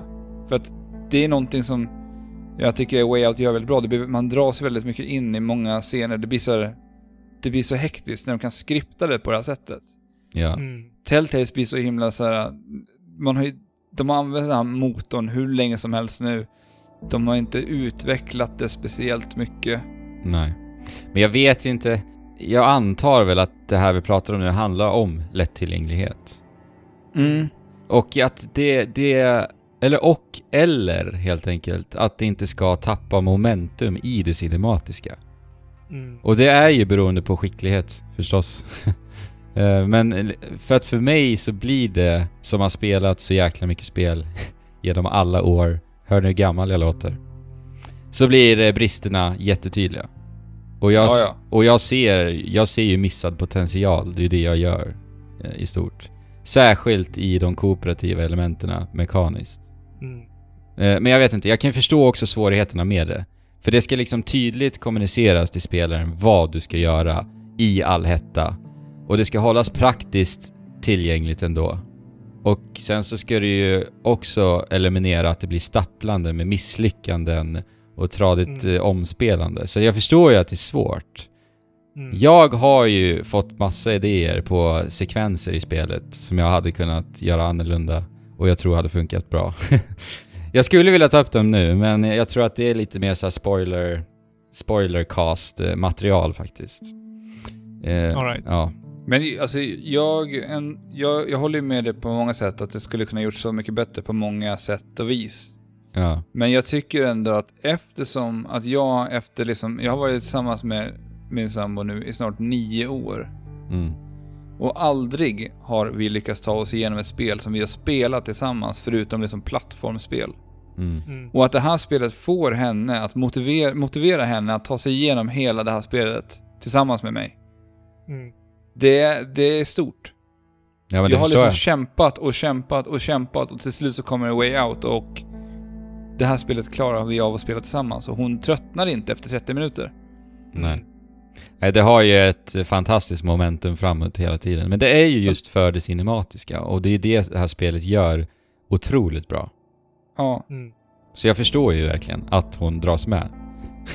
för alltså jag, jag hade ju, som vi pratade lite om förut, du och jag Andrew, så hade vi, sa vi att vi hade ju säkerligen inte haft lika roligt med den här spelupplevelsen om vi hade spelat det här med varandra. Nej, För det Då som hade ha- hänt då, då hade vi Då hade vi bara... bara klagat ja, på allt. exakt. Då hade vi bara gnällt på varför gör de inte så här, varför händer inte det? Ja. så hade vi inte ens tagit, ta- tagit del av historien överhuvudtaget. Nej. Vi hade varit sura och Precis. allt vi hade Ja. gjort hade bara varit att ruscha igenom hela spelet. Exakt. För det är inte svårt ju- på något sätt heller liksom. Nej. Så att alltså jag, jag skulle rekommendera att om det är någon som är sugen på att spela det här, spela, med det, spela gärna det med någon som, som ni inte vanligtvis är så van vid spel. Mm. Typ en partner. Ja men det blir ju verkligen en rekommendation ifrån mig också.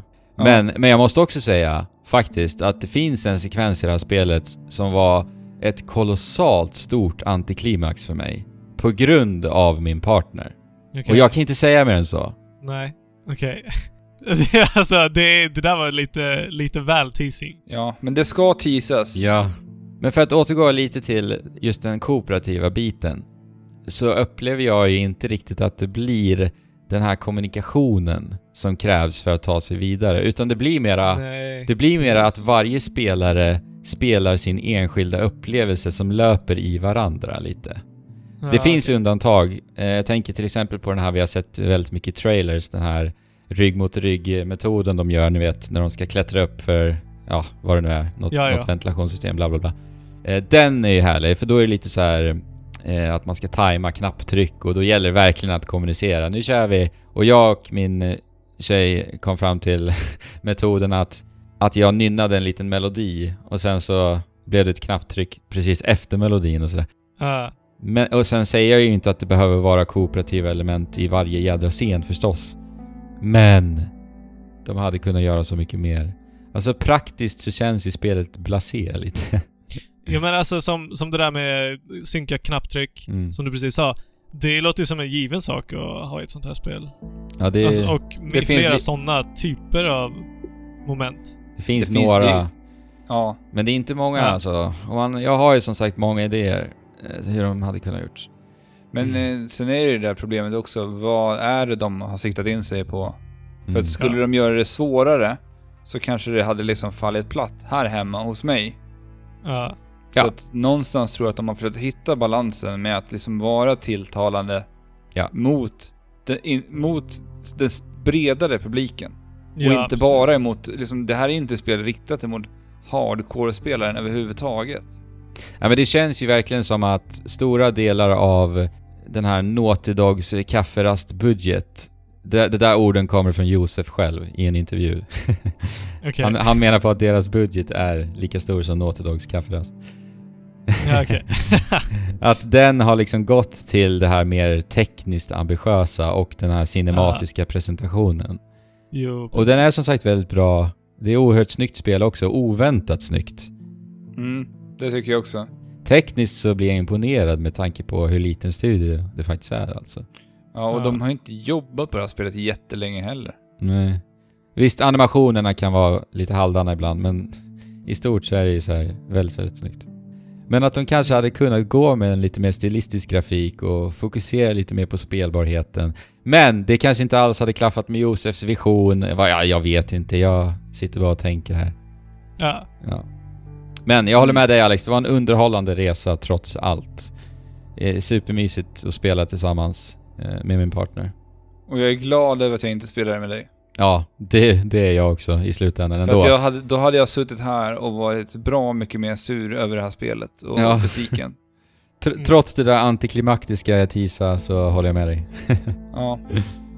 Ja, men Fabian, då har vi ju pratat klart om A Way Out och eh, som Andrews inledde det här med och frågade om du eventuellt skulle vara sugen på att spela det här spelet efter vi, vårat snack. Hur känner du nu efter Fabian? Är du sugen på att spela A Way Out? Alltså, jag för min skull skulle nog inte vara så sugen på att spela Way Out, men om, om jag skulle hitta en partner som jag verkligen vill spela med så låter det här som liksom det bästa spelet att börja på i alla fall. Mm. Eftersom att du inte på nio år hittat ett bättre spel så... Och jag vet ju att du har försökt. Du har försökt. Ja, jag har försökt. eh, liksom till så, så mycket som du kan och bara tänka på vilka spel som man kanske kan spela tillsammans och så vidare. Så det är ett riktigt, riktigt bra betyg. Alltså vet, jag skrev in ett dokument när jag träffade Linda. Alltså Aha. hur jag skulle få henne att bli, alltså så här, radade upp spel, potentiella Ja. spel att börja Ja. med. Vad, och så hur vi skulle liksom så här trappa upp det här. Mm. Till Ja, att hon precis. skulle kunna ta sig till att spela den spelaren och spel jag spelar. Mm. Men det sket ju sig liksom. Ja, ja men precis. Alltså, jag, och, jag, och jag vet ju hur det kan vara. Så att det här är ju liksom lite av en empirisk studie. Inte, inte så omfattande, men baserat på liksom din, eh, ditt liv de, det senaste decenniet. Så, eh, ja, alltså det, det kan ju inte vara bättre. Mm. Nej. Alex, det kanske blir så att Linda nu framöver kommer att vilja spela fler spel med dig nu. Ja, då, då är det ju ännu bättre betyg. Ja, Det chockerande var ju att det finns ju, det finns ju några skjutscener i spelet. ja just Och det är det, hon- det är det hon avskyr allra mest med spel. Mm. Mm. För en som inte är så van vid att spela och sikta och skjuta med Med en högerspaken. handkontroll, det är svårt. Mm. Men i slutet av det här så säger hon Jag började tycka det var kul att skjuta. Jaha! Okej, så det är kanske Halo nästa, eller, typ, eller åtminstone Portal. Ja, men, Ja, att, att hon tyckte det var kul att skjuta i det här spelet också, Alex. För att jag kan ju säga att eh, skjutmomenten i det här spelet är ju snudd på katastrofala. alltså rent spelkänslamässigt. ja det är de. Det är ju det är lite utfyllnad, lite variation ska finnas där känns det Ja, som. Precis. Det är bara placerat där för att det ska hända någonting annat. Ja. Och Josef har ju sagt att skjutmoment ska bara hända i mina spel när det makear sense i storyn. Jaha. Det, det var citat, Ja, det var direkt citat. det var ett eller? direkt ja. citat. Ja men jag, jag gillar ändå det. Ja, Jag gillar, jag gillar filosofin. ja absolut. Nice. Ska vi, ska vi röra oss vidare? Känner vi oss klara med Way Out? Ja, det gör vi. Mm. Det enda jag ska säga mot slutet här det är att spelet finns på Playstation 4, Xbox One och PC. Du och jag spelade på Xbox One, som sagt Alex. Ja. Eller på Xbox One X då. Just det, du, och jag spelade på Xbox One S. Ja. Mm. Gött. Sen har vi fortsatt spela på Xbox One X och Xbox One S. Och PC. PC. Och PC. ja. Ja, Fa- Fabian har spelat på PC och jag och har spelat på Xbox One X och S och PC. Jajamän. Och vad är spelet Fabian? Spelet är Sea of Thieves. Havet av tjuvar, på Mm. svenska. Det här har ju du också spelat Fabian. Jajamän. Med, med er båda två. Uh, ja, Sea of Thieves är ju typ det senaste, liksom stora, riktiga spelet som uh, Rare har gjort på, i modern tid. Ja, det är helt galet. Jag och Alex pratade om det här igår. Uh, Senaste spelet de släppte, alltså, okej. Senaste spelet vi anser, det här är ett spel, det är Banjo Kazooie Nuts and Bolts. Ja, Sen gjorde de ju efter det lite Kinect-spel. ja. Det anser inte vi räknas in här va? Nej men sen, sen de eh, blev uppköpta av Microsoft så har de inte fått göra liksom speliga spel och det är ganska konstigt för att de har alltid varit en väldigt spelig spelstudio. Fast det, det, det började ju med att de gjorde Grab by the Ghoulies och sen gjorde de väl Cameo och sen så gjorde Perfect de... Dark. eh, Perfect Dark ja, och Just sen det. så Viva Pinata 1 och 2 och sen Ja, Nuts and Bolts och sen så kom Kinect-faderullan. Kinect... och avatarerna som de också gjorde åt Xbox. Mm. Mm. Ja, det är i alla fall superhärligt att se Rare-loggan som jag kanske nämnde när vi hade spelat betan eh, igen. Och se att en eh, väldigt, väldigt gammal och kär spelstudio faktiskt gör någonting nytt. Mm. Ja men absolut. Men det är ju inte riktigt liksom ett spel, spel, spel som, som vi tänker är ett spel, utan jag upplever det mer som att vara en liksom social hubb och lekplats. Ja. Mm. Håller ni med om den definitionen? Ja. Eh, ja.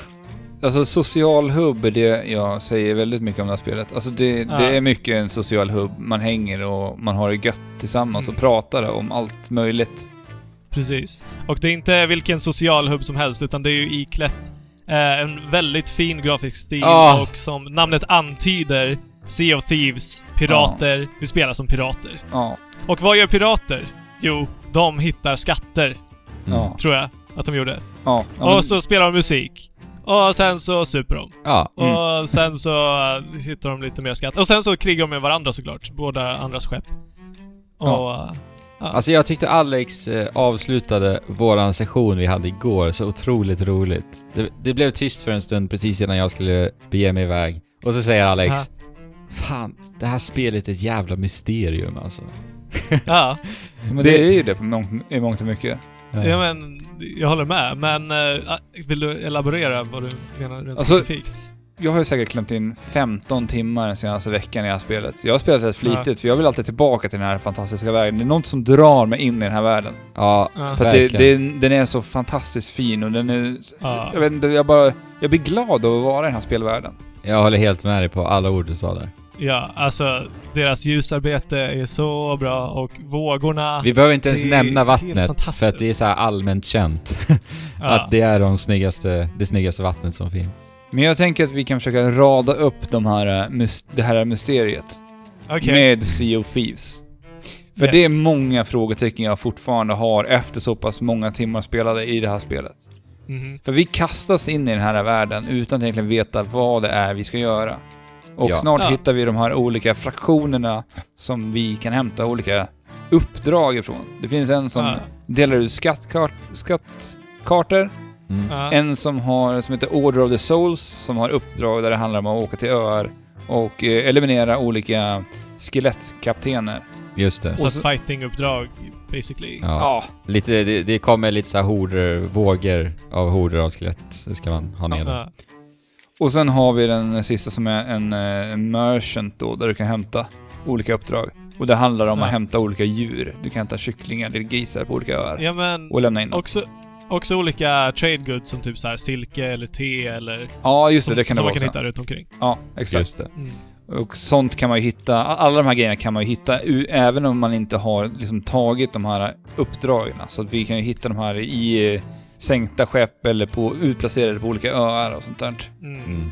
Men alltså, jag vet inte hur många timmar som har bestått av endast hämtandet av de här skattkartorna och sen in, ut på piratskeppet, hitta den här, plats, den här ön, åk den här ön, gräv upp den här skatten. Mm. Sen så kör man bara om och om det här. Man gör det här bara om och om igen hela tiden. Det var Sea of Thieves. Ska vi gå vidare till lite nyheter? Ja. Låt oss. Nej men det är ju Skämt. typ det som Ja. är spelet, helt ärligt. Ja, Ja. och det är väl lite anledningen varför jag hoppar in i Sea of Thieves hela tiden. I hopp om att det ska hända någonting mera. Ja. Alltså, jag har alltså, som jag sa, ungefär 15 spelade timmar. Mm. Ja. Och för att, för att jag ska köpa en kaptenshatt. Jag vet att Andrew har ju stenkoll på priserna på kaptenshatten. Vad den ligger på Andrew? 13 000 guld. Ja. Och hur mycket pengar har du tjänat på dina... För då har vi också spelat drygt lika länge som mig. Ja, precis. Jag börjar komma upp mot 15 timmar jag också. Alltså, jag ligger nu på typ 12 000 kronor. Jag har köpt en spade och en kompass. En... Jag kanske hade haft 15 000 nu då, om jag hade sparat alla pengar. På Mm. drygt 15 timmars spel. Ja men då har allt du skulle haft då en kaptenshatt som du hade köpt istället Ja. för att då ha en spade och en kompass. Ja. Och det här systemet blir jag knäpp på för att vi har ju varit ute och letat i hopp om att få den här jätteskatten som ändå kan ge oss typ 10 000 guld eller någonting. Mm. Men istället så får vi skattkistor som är värda typ så här 90 Ja. eller 500. Fortfarande. Det lossnar aldrig ekonomiskt. Känns det som. Jag menar, Nej. 15 spelade timmar, vi får fortfarande skitskatter. Mm. Och vi har ändå ganska hög level på de här olika fraktionerna nu. Ja, men och sen, sen dessutom så har ju de här sakerna som ni faktiskt vill köpa ingen betydelse för spelet i sig, förutom att bara vi, visa dig. Ja. Ja, det är så Det är bara konstigt. kosmetiskt. Ja, men vad ska man med pengarna till egentligen? Om jag inte känner att jag har något värdefullt i sikte att köpa på mig, då finns det ju inte ens något värde i att leta skatterna från första början heller. Nej men Egentligen. precis, så liksom... Eh, vad, vad sa du att en kaptenshatt kostade? 13 000. Guld. 13 000 guldmynt. Ja. Som det har tagit dig 15 plus timmar att samla på dig. Ja. Och sen så köper du den där kaptenshatten. Och sen är du tillbaka på noll igen. Ja. Ja, ja men det är ju det, är det här som är så sjukt. Ja. Och vi får ju liksom inga indikationer på att det skulle komma skatter som är värda mer pengar. Nej. Ingenting, än så Men länge. alltså, vadå? Jag, jag har i alla fall tolkat det så att du, ju fler skatter du lämnar in i de olika fraktionerna, desto mer levelar du upp fraktionerna. Ja. Och Ja, det gör därmed så kan du få mer värdefulla skattkartor, eller? Ja, Alltså jag, jag, jag är ju på level 15 hos den här guldnissen nu. precis. Ja. När ska det lossna? Det är ju det som är frågan. För att vi var ju ute igår, jag tror att Andy och jag plockade på oss kanske, vad kan det varit? Närmare än 10 kistor, för vi åkte två Ja. vändor. Ja, men något Och sånt. Och lite skelett och... Eller Men vi dödskallar. fick inte många tusen. Nej, Nej. verkligen inte. Och vi började, alltså man märkte oss, för vi började så här, vi båda var så här glada och positiva bara ja men nu ska vi ut i den här fina världen. Mm. Mm. Och sen så märker man hur vårt liksom så här, intresse för spelet och vad vi gör bara dalar långsamt under hela den här spelsessionen. Ja. Ja. Och sen så, sen så liksom, det slutade med att jag säger det där, bara att det här är ett jävla mysterium. Varför spelar vi det här spelet överhuvudtaget? Ja. Ja. ja, men det finns liksom inget djup i spelet någonstans. Nej. I och för sig vet jag inte hur djupa haven är, jag har inte riktigt utforskat det. Nej, Ja. alltså jag, jag har försökt simma ner till eh, botten en gång. Ja. Och det är bara, det är bara en, en oändlig avgrund. Ja. I alla fall ut, mitt, mitt ute på vattnet. Sen så kan det säkert finnas sk- skattkartor där du liksom kan hitta någonting gömt och... På tal om det så har ju också skeppen högteknologiska ankare. För att de Mm. existerar inte ens. Nej, nej. Om ni simmar under skeppet när ni har sänkt ankaret så finns det inte där. Alltså, det, det, det kan ju kännas liksom trivialt. eh, men det är ju ändå en detalj Ja. som liksom inte Jag tycker också det. Gör någon sens att det... Alltså, sätt dit en kedja bara Ja. liksom. Och ba- också en liten detalj. Jag menar, vi är pirater, vi är ute och letar efter de här skatterna, skattjakt. Sen när vi ska lämna Ja. in dem, då är det bara puff, försvinner den. Sen kommer det upp en text att man har lämnat in en kista Ja. och så får man lite pengar. Ge, låt mig öppna kistan gärna och roffa åt mig den här skatten kanske. Ja, ja eller något sånt. Också en liten detalj, men... Och, så, och sen så när vi ändå pratar om detaljer så, så här, eh, det, de enda fienderna jag har stött på är skelett, ormar. Mm. Mm. Och när du kommer, alltså hela, hela det här spelet är jättevackert, det är jättefina rörelser och reflektioner på vågorna och på vattnet. Men så, så kommer du till en ö med ormar som är så sjukt jävla fula Mm. och Ja. så sjukt jävla statiska. Ja. Som, alltså, de, de, känns bara ditplacerade. Som, Ja. som om du har haft en editor typ. Tänk dig en RTS-editor och bara satt ut ormar lite Ja. här och där. Så står de bara där och man hör deras jävla väsande när du går förbi Det- och helt plötsligt så får du en spottloska i ansiktet. Det kanske var det sista de gjorde. De hann inte animera ormen. De bara, så vi Nej. hinner inte, men vi kan inte, ri- vi måste rigga den här nu. Nej men jag hinner Ja, inte! men- kan någon men det animera känns- ormen? Skit i det, lägg in, lägg ut den! Det känns, Så står det en känns stela verkligen jävla så. ormar. Så Ja. låter de lite pss. Ja, och Ja. sen så tar det typ fem svärdsving för att få ner de där jävlarna också. Ja. Ja men det, det är inte lätt att döda dem heller liksom. Nej. Nej men alltså, djupet. Det, allting är ju så jäkla, jäkla repetitivt. Det är lat, Mm. uppdragsdesign, så jäkla oinspirerande. Det finns ingen utmaning alls heller i stort egentligen. Det, det känns så arrangerat allt man gör. Det saknar totalt överraskningar. Det finns ingenting sånt. Alltså det finns ju lite överraskningar men jag känner att de är ganska antiklimaktiska än så länge. Ja, och har det du upplevt upplevt. överraskningar på liksom, vad har du spelat? Tre, fem timmar? Ja. Eh, nej men det, det är typ så här. du ser att det... Upp, uppe i luften så cirkulerar lite uh, sjöfåglar. Mm. Och så ser du att det är ett sjunk, Precis. sänkt skepp där liksom. Och då, då, då blir jag ju intresserad. Fabian, Då tänker jag ju... Jag hade tänkt att nämna just precis det där, sjunkna skeppet, Ja. för det var en överraskning för mig också. Men Ja. utöver det så har det inte funnits någonting. Alltså bara utforskandet på öar till en början för mig Mm. var ju jättespännande. Och jag hoppades ju Ja. på att hitta lite hemligheter och kanske någonting utstickande i miljön som ser spännande ut. Men nej. Ja men precis. Nej, det är bara kulisser liksom. Ja, det är bara så rakt på sak. Alltså allt Ja. i uppdragsdesignen. Och alltså du, du kommer till en ö som har typ konstiga och intressanta statyer typ. Ja.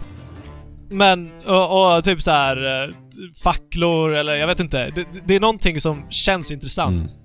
Men det finns ingenting du kan göra med det. Jag gissar att du kan göra någonting med det om du har rätt typ Uppdrag. gåta Ja. med lapp med rätt uppdrag. Men då försvinner ju Men- hela utforskningsdelen.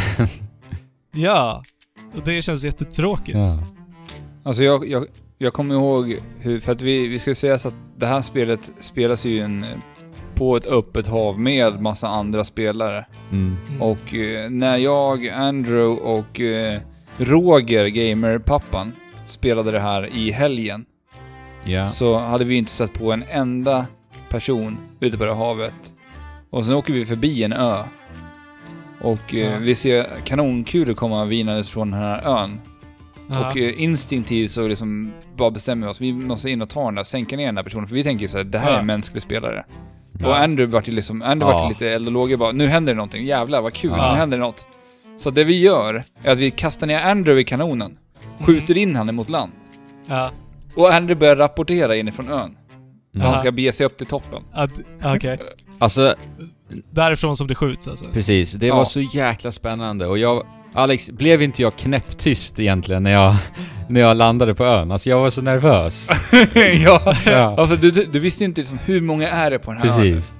Och det slutade mer antiklimaktiskt än, än det jag berättade om i Way Out.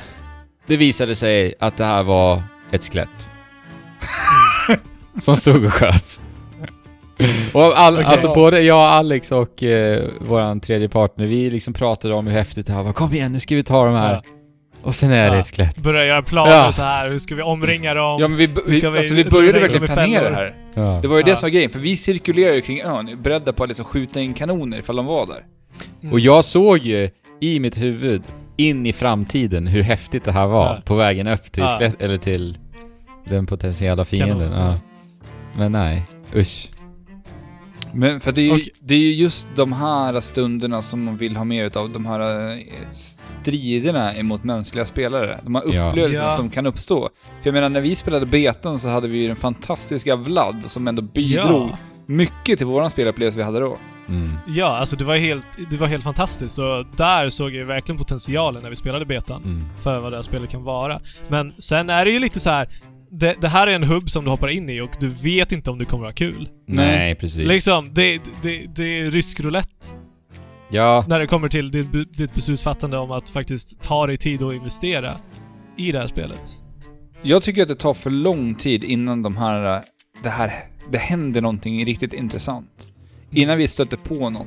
Ja, precis. Det för jag menar, det att- är ett ganska stort hav och jag vet inte hur många det är per server som du faktiskt kan segla runt där, för det är väldigt, alltså vi spelade tre timmar, vi träffade, jag tror vi träffade ett skepp i slutet av den här sessionen vi spelade. Ja, och det har hänt i flera sessioner också. Ja. Det känns som att det är för få spelare där ute. Jag vet inte om det ens är uttalat hur många det är på en server. Jag har ing... Det tror jag att det är uttalat Okej. faktiskt. Ja, jag vet inte hur många det är i alla fall.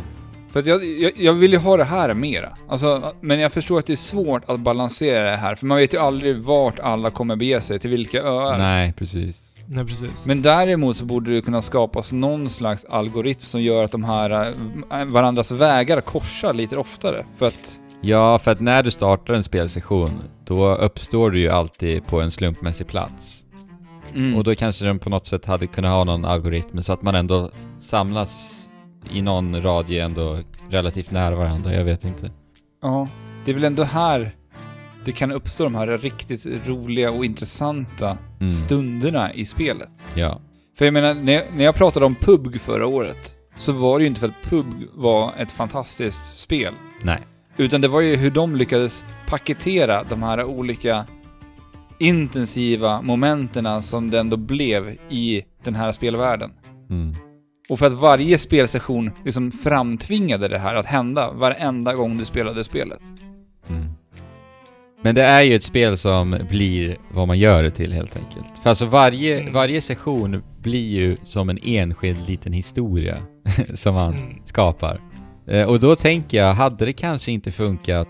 För att jag tycker ju att eh, alltså dödsystemet, alltså respawn-systemet är jättekonstigt också. Ja, det blir bara att man liksom be- behöver vänta. Ja. Det, det blir en bump in the road mer än någonting annat. Ja, hade det inte funkat om att du startar en session av Sea of Thieves, du har ett liv. Och sen här börjar en historia. Kör. Mm. Jag tror att det hade bidragit ännu mer till den här nerven också, att stöta på andra spelare.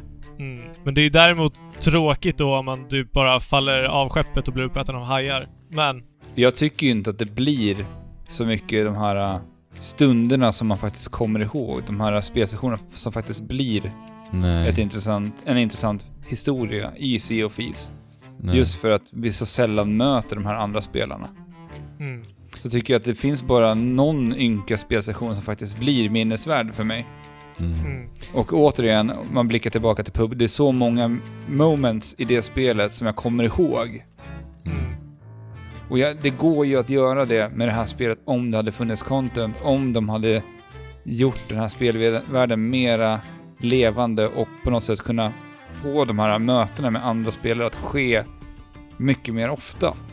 Ja, att man liksom gör ett system som fortfarande känns organiskt, men som ändå liksom för samman alla spelare. För jag kollade upp det och det är max 99 spelare som kan vara på en server. Det är ju mycket Mm. känns det som. Ja.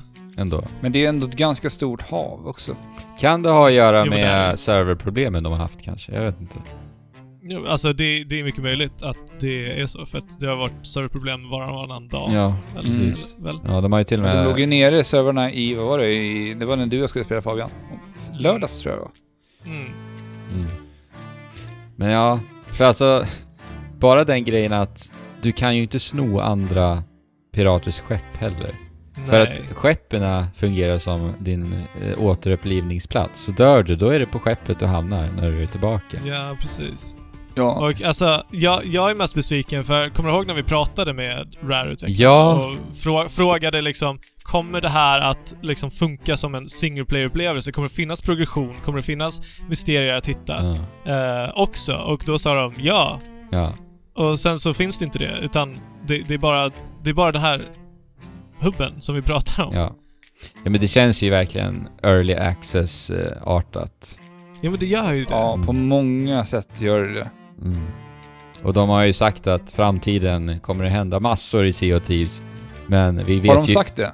Ja, men vi vet Ja. ju ingenting vad det är det handlar om. Nej, jag, jag tycker att det är sjukt att släppa det här spelet till full pris för vad det är idag. Ja.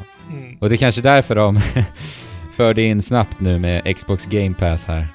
Ja, de har gjort det. Ja, det är tillgängligt på Xbox Game Pass. Mm. Okej. Mm. För att alltså, det, det, det som jag blir så ledsen över i det här spelet, det är när jag och du och jag satt igår här och spelade det här.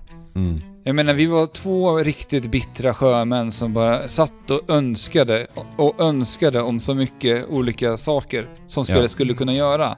Mm. Istället för att liksom imponeras över wow, de har tänkt till så här, wow, de har gjort så här. Mm. För att jag vet, när vi alla tre tillsammans var ute på en ö, där vi såg någonting som såg ut som att vara en sån här gåta, ett pussel att Mm. lösa. Mm. Mm. Så började vi liksom så här, ja ah, men ska vi ta ner den här lilla, den här äh, buren som hänger här? Det kanske ligger en nyckel till den här dörren. Mm. Men det var ju inget sånt. Nej. Nej men precis, för att allting är bara kulisser. Ja. Ja. För det, det, det känns någonstans så tråkigt att man så här, stora delar av spelsessionerna sitter och bara drömmer och önskar om mass, någonting annat än vad spelet faktiskt är. Mm. Ja men, ja men precis. Och alltså, det, hur svårt skulle det vara att göra egentligen att typ eh, var en på fem öar har ett unikt pussel Mm. Mm. som, som man kanske behöver till och med samarbeta med för att lösa. Och om man liksom blickar till Breath of the Wild som, hade, som har 120 unika pussel, Ja. så är inte mycket begärt. Nej, precis. Det är, det är så här ändå bökigt eh, kan jag tänka mig ur ett designperspektiv hur de skulle lösa mycket av, av det här. Ja men, och sen, sen så blir det bara, bara, bara att det inte finns någon riktig eh, belöning för vad du gör. Ja, det är ju helt bortom mig alltså. För det, ja.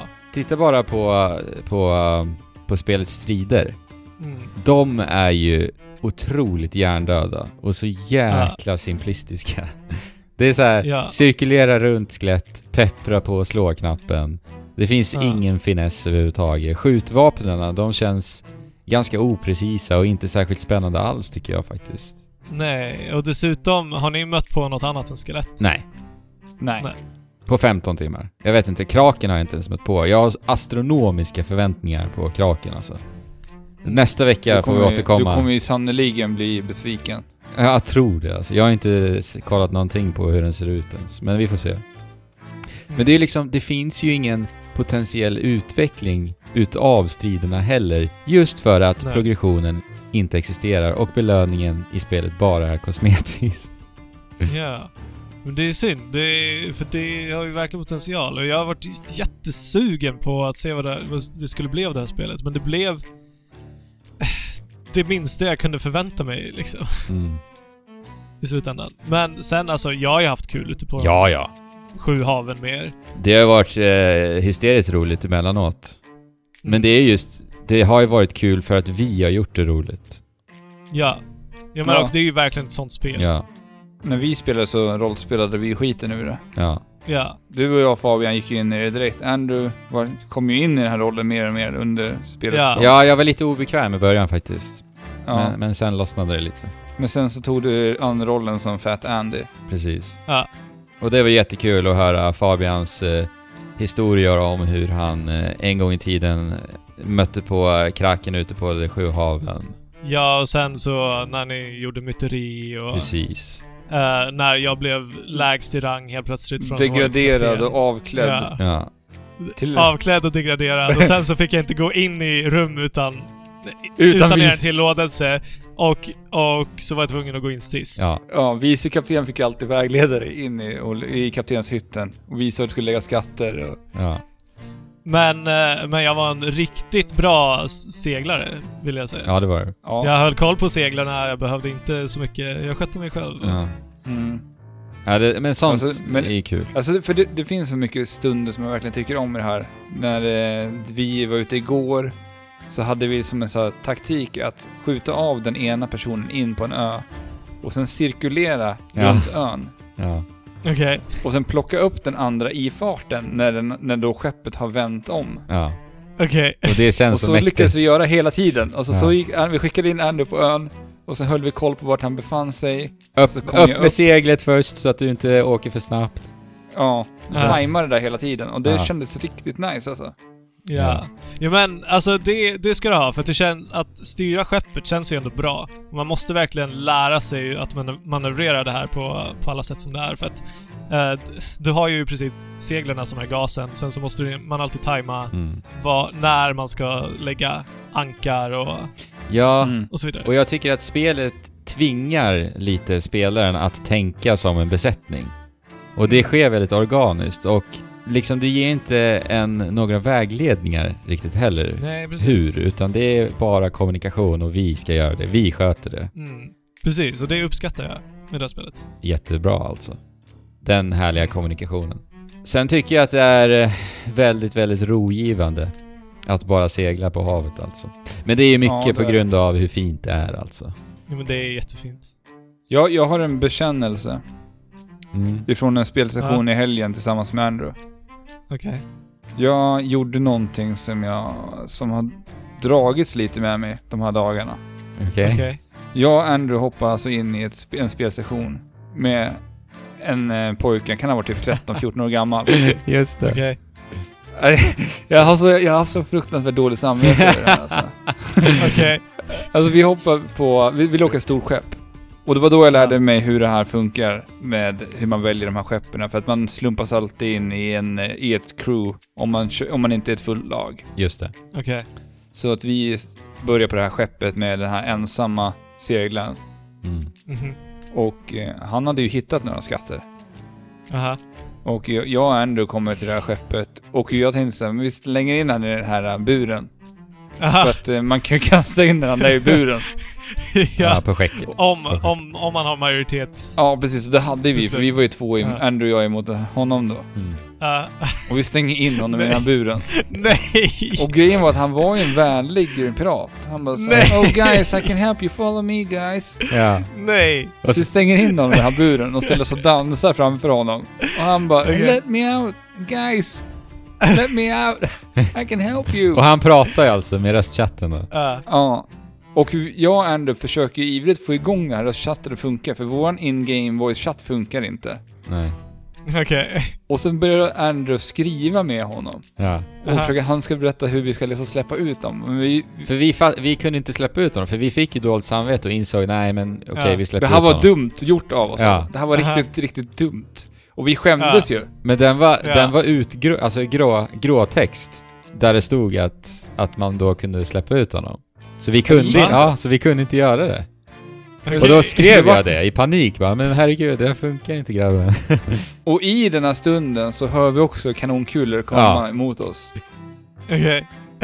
Och det vi istället gör, alltså jag bara såhär, okej vad fan gör jag nu? Det går inte att släppa ut den här lilla stackaren. Men jag sänker skeppet. Så jag börjar ställa mig och varför skjuter. sänkte du skeppet för?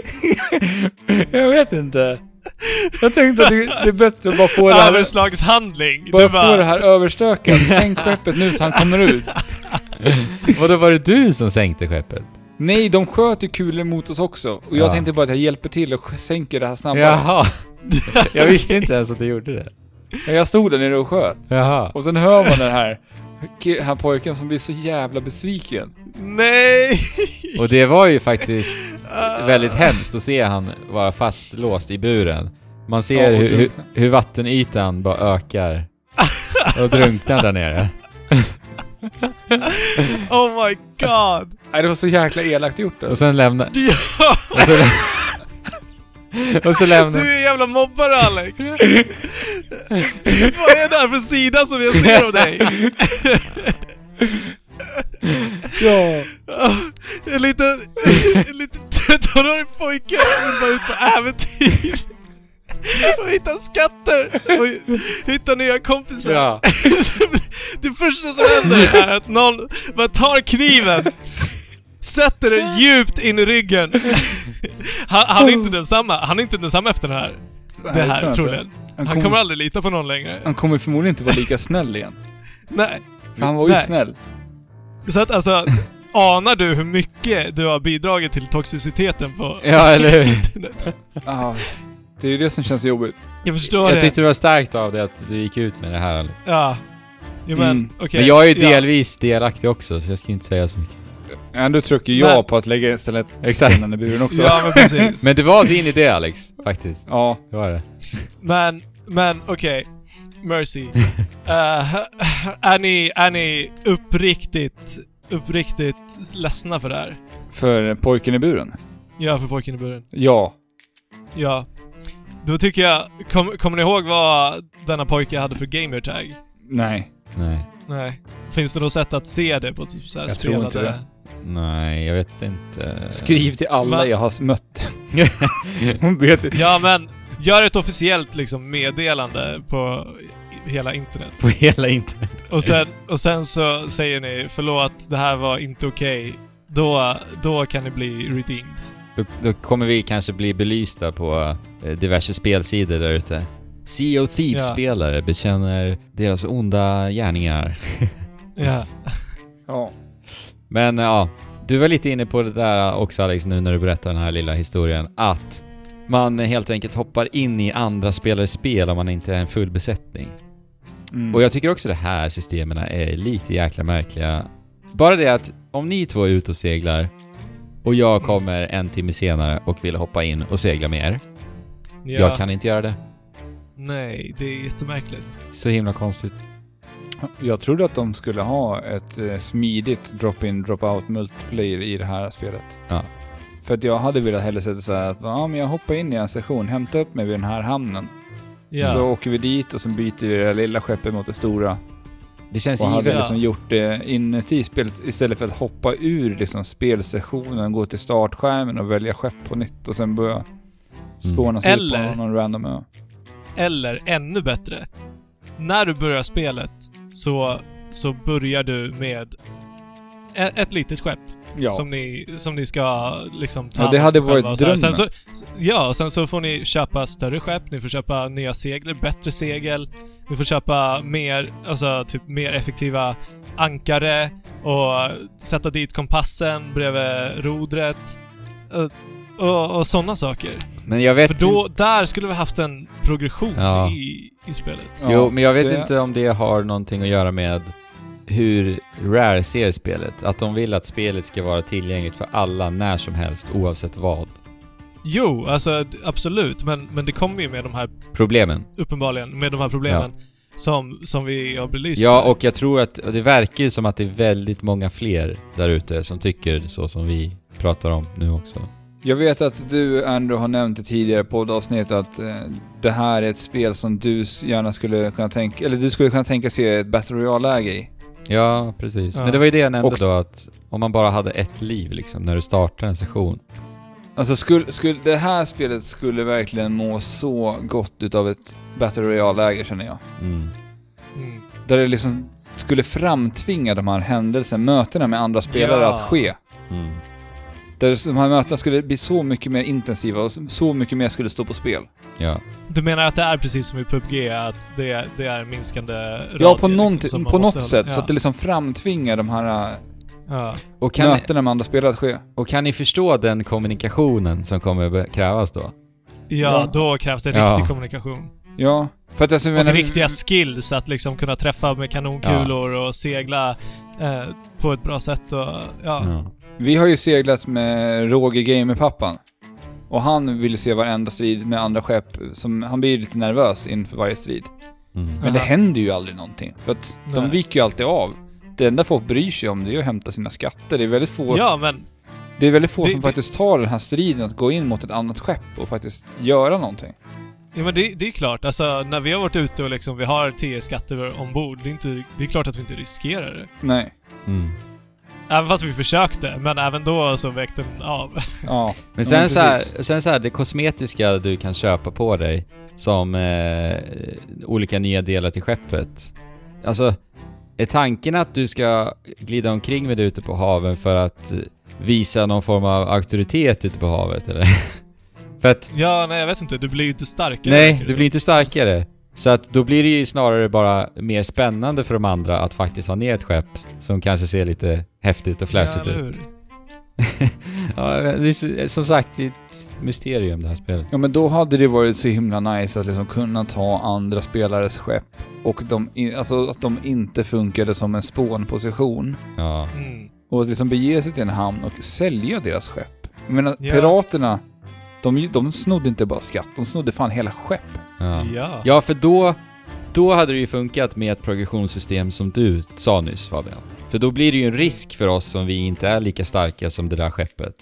Och om vi då lyckas, då får vi förmodligen en redig belöning då. Om, om vi Mm. till exempel säljer det eller, eller om vi rent av tar det själva istället. Ja, precis. Och då, då skulle det vara liksom en, en världsdynamik också. Mm. Att så här, det kanske, det kanske på en viss server, nu väljer man inte servrar, men det kanske borde vara så. Eh, Mm. att på en viss server så vet du att det här skeppet finns. Ja, precis. Och den som lyckas ta det, det är, det är liksom glory of a lifetime. Ja, mer sånt. Och att det finns kanske någon eh, förbannelse på någon ö som eh, ni behöver vara riktigt eh, superduktiga, eh, häftiga pirater för att ens kunna ta sig an och liknande. Ja, Alltså för det, det är så mycket man önskar med det här spelet. Jag menar, det spelet som vi ser idag, när spelet är släppt, det är det vi borde ha sett av Sea of Thieves när det först visades upp. Ja, lite Ja, så ja precis. faktiskt. Och att Det alla de, här, efter lite. alla de här tilläggen borde liksom vara här vid det här laget. Mm. För att vi, alltså jag- som jag sa från början, är ju att jag fortfarande dras in till den här spelvärlden och vill spela. Mm. För jag märker ju någonstans hur spännande det är att vara pirat. Mm. Mm. Men spelet ju. måste ju erbjuda mig ännu mera. Ja, för annars kommer det här skeppet att sjunka. Ja, och det tror jag. Det måste hända någonting snart, för annars kommer det här dala ner på, på Twitch och allting snart. Ja. Ja, det tror jag definitivt. Och de måste ju gå ut nu och vara lite tydliga med framtiden. Mm. Ja, Rare alltså. det, det måste de. Ja. Men det är synd alltså. Det är så mycket, ja. Det är så mycket som jag gillar. Och så mycket som går att bygga på. Och jag gillar ju verkligen att vi får se ett trippel A-spel med det här knasiga, ytliga humorn. För att alltså Mm. tittar man på trippel A-spel idag, de ska ju alltid annars vara så, så seriösa och det ska Ja. ofta vara realism va. Så jag blir Ja. verkligen, verkligen, verkligen glad när jag ser Sea of Thieves. Och det är det är också som gör att jag bara vill spela det.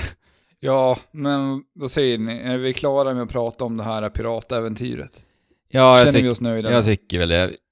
Återkommer Ja. när jag har mött kraken. Ja, det är bra. Så att du, du ska spela, även fast du inte har någon aning. Det kanske är liksom 30 timmar in nu, innan du kan möta kraken. Nej, vi alltså måste jag... fortsätta jaga de skatt, skatterna i hopp om att det händer Eh. någonting annat. Mm. Nej men jag hoppas ju att jag kommer få möta kraken snart alltså. Mm. Eh, Så att mer om det nästa vecka, ho- Det finns säkert någon förhoppningsvis. guide på YouTube. Ja. Ja, jo men det borde du göra. ja. Ja, får hoppas att de får vind i seglarna och, eller visar att de har några seglar i alla fall att ta vind. Mm. Ja, För det här är ju Snart. bara en roddbåt just nu. Mm. Ja. Eh, Xbox One och PC som sagt då. Spelar vi detta Yes. på. Då rör vi oss med lite nyheter. GDC har ju ägt rum eh, den gångna veckan, alltså Game Developers Conference borta i Ja. eh, Los Angeles. Yes. San Francisco. Är det det till och med? Jajamän, Till- så det är Kalifornien, San Francisco. Ja men Kalifornien då. Jag skulle jättegärna vilja gå på GDC någon gång för att det är ju liksom en konferens för massa utvecklare och de kommer dit och håller föredrag och lyssnar på föredrag och så vidare. Ja, verkligen. Superintressant. Mm, det är ju en väldigt branschfokuserad eh, event. Ja, Ja.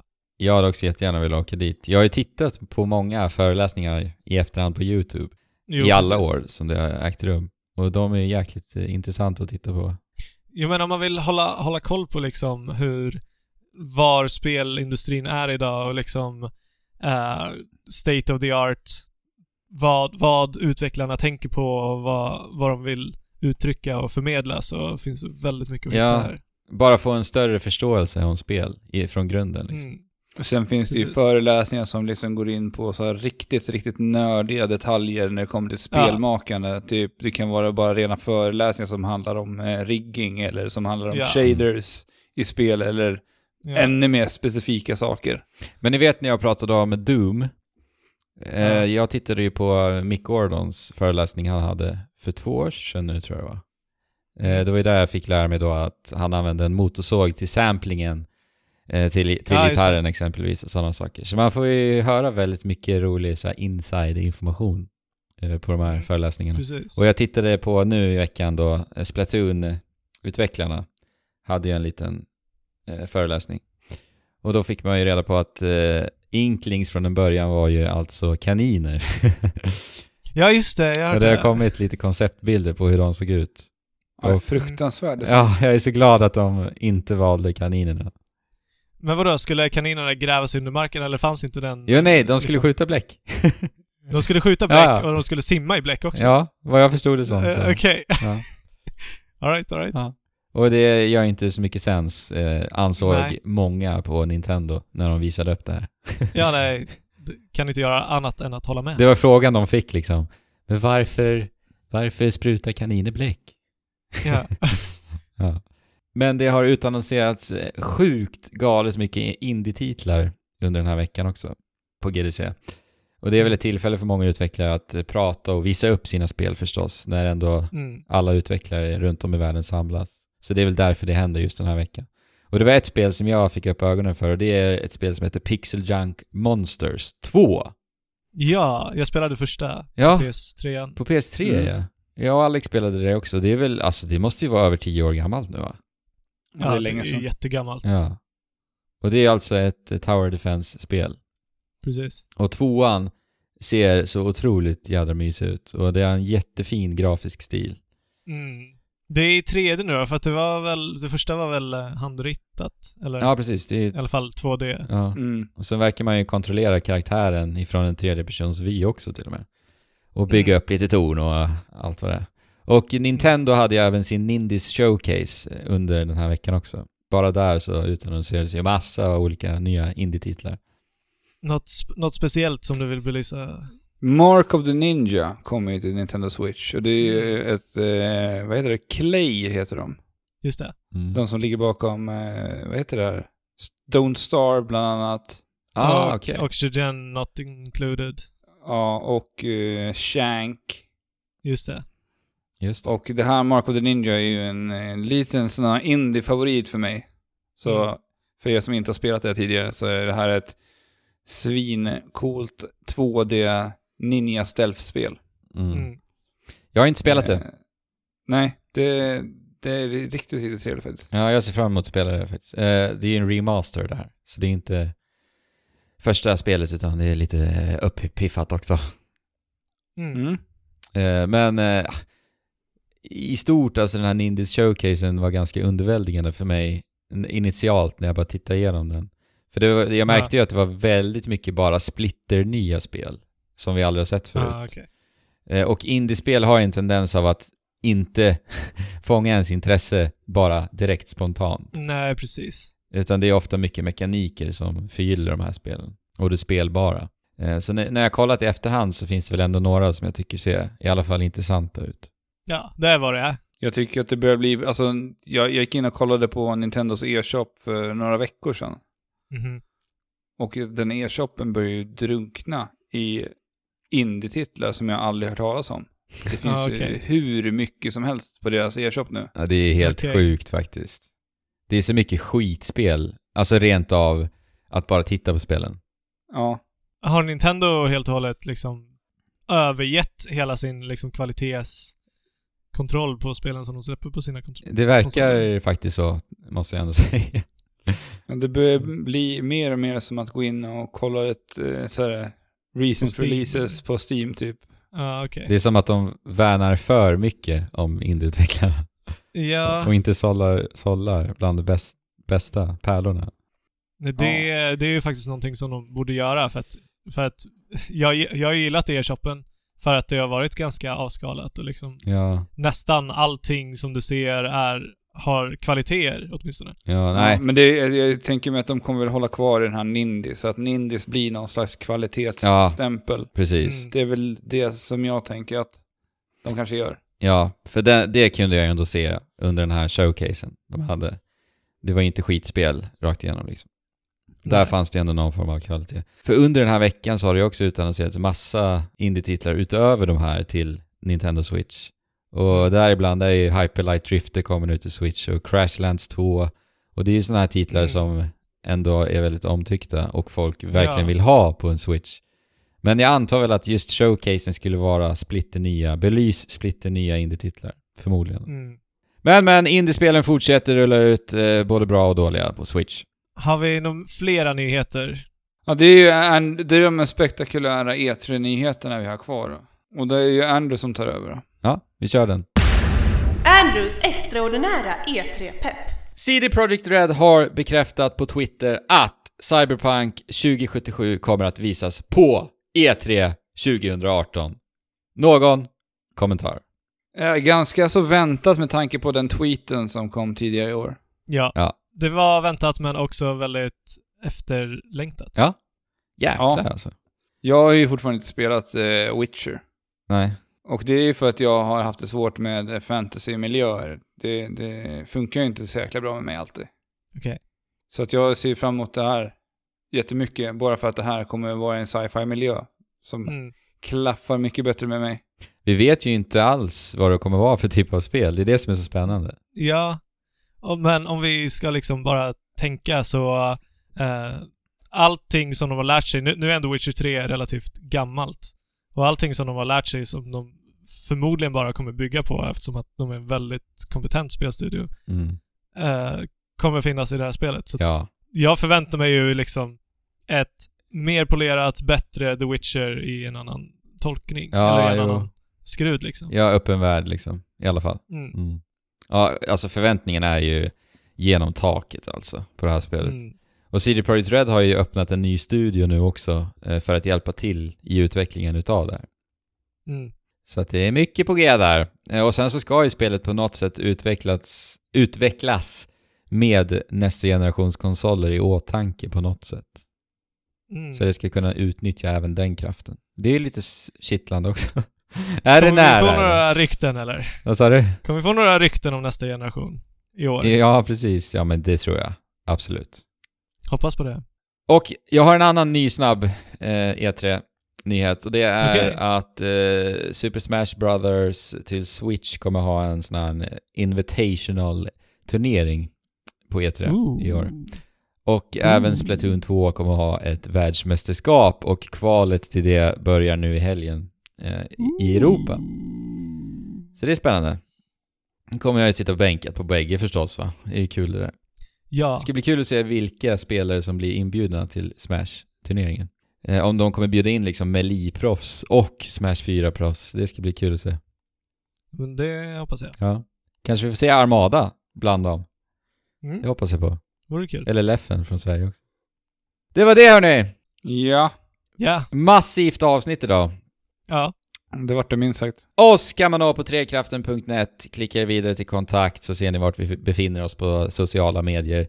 Instagram är ju den vi är mest aktiv på. Där heter vi Trekraftenpodd. Och m3.se kan ni också hitta oss på numera. Discord hittar ni länk till beskrivningen. Anslut er jättegärna dit. Vi har också fått ett nytt avsnitt utav Monsterpepp, våran kära, kära systerpodcast där det pratas allt Monster Hunter. Och länk till det avsnittet hittar ni också i beskrivningen. Jag kör en stream på Twitch ikväll. Vad det jag ska spela vet jag inte riktigt ännu, men någonting roligt hittar vi på. Alltså ikväll, onsdag. Så med det sagt, allihopa, spela på och chip! Shula. Hopp.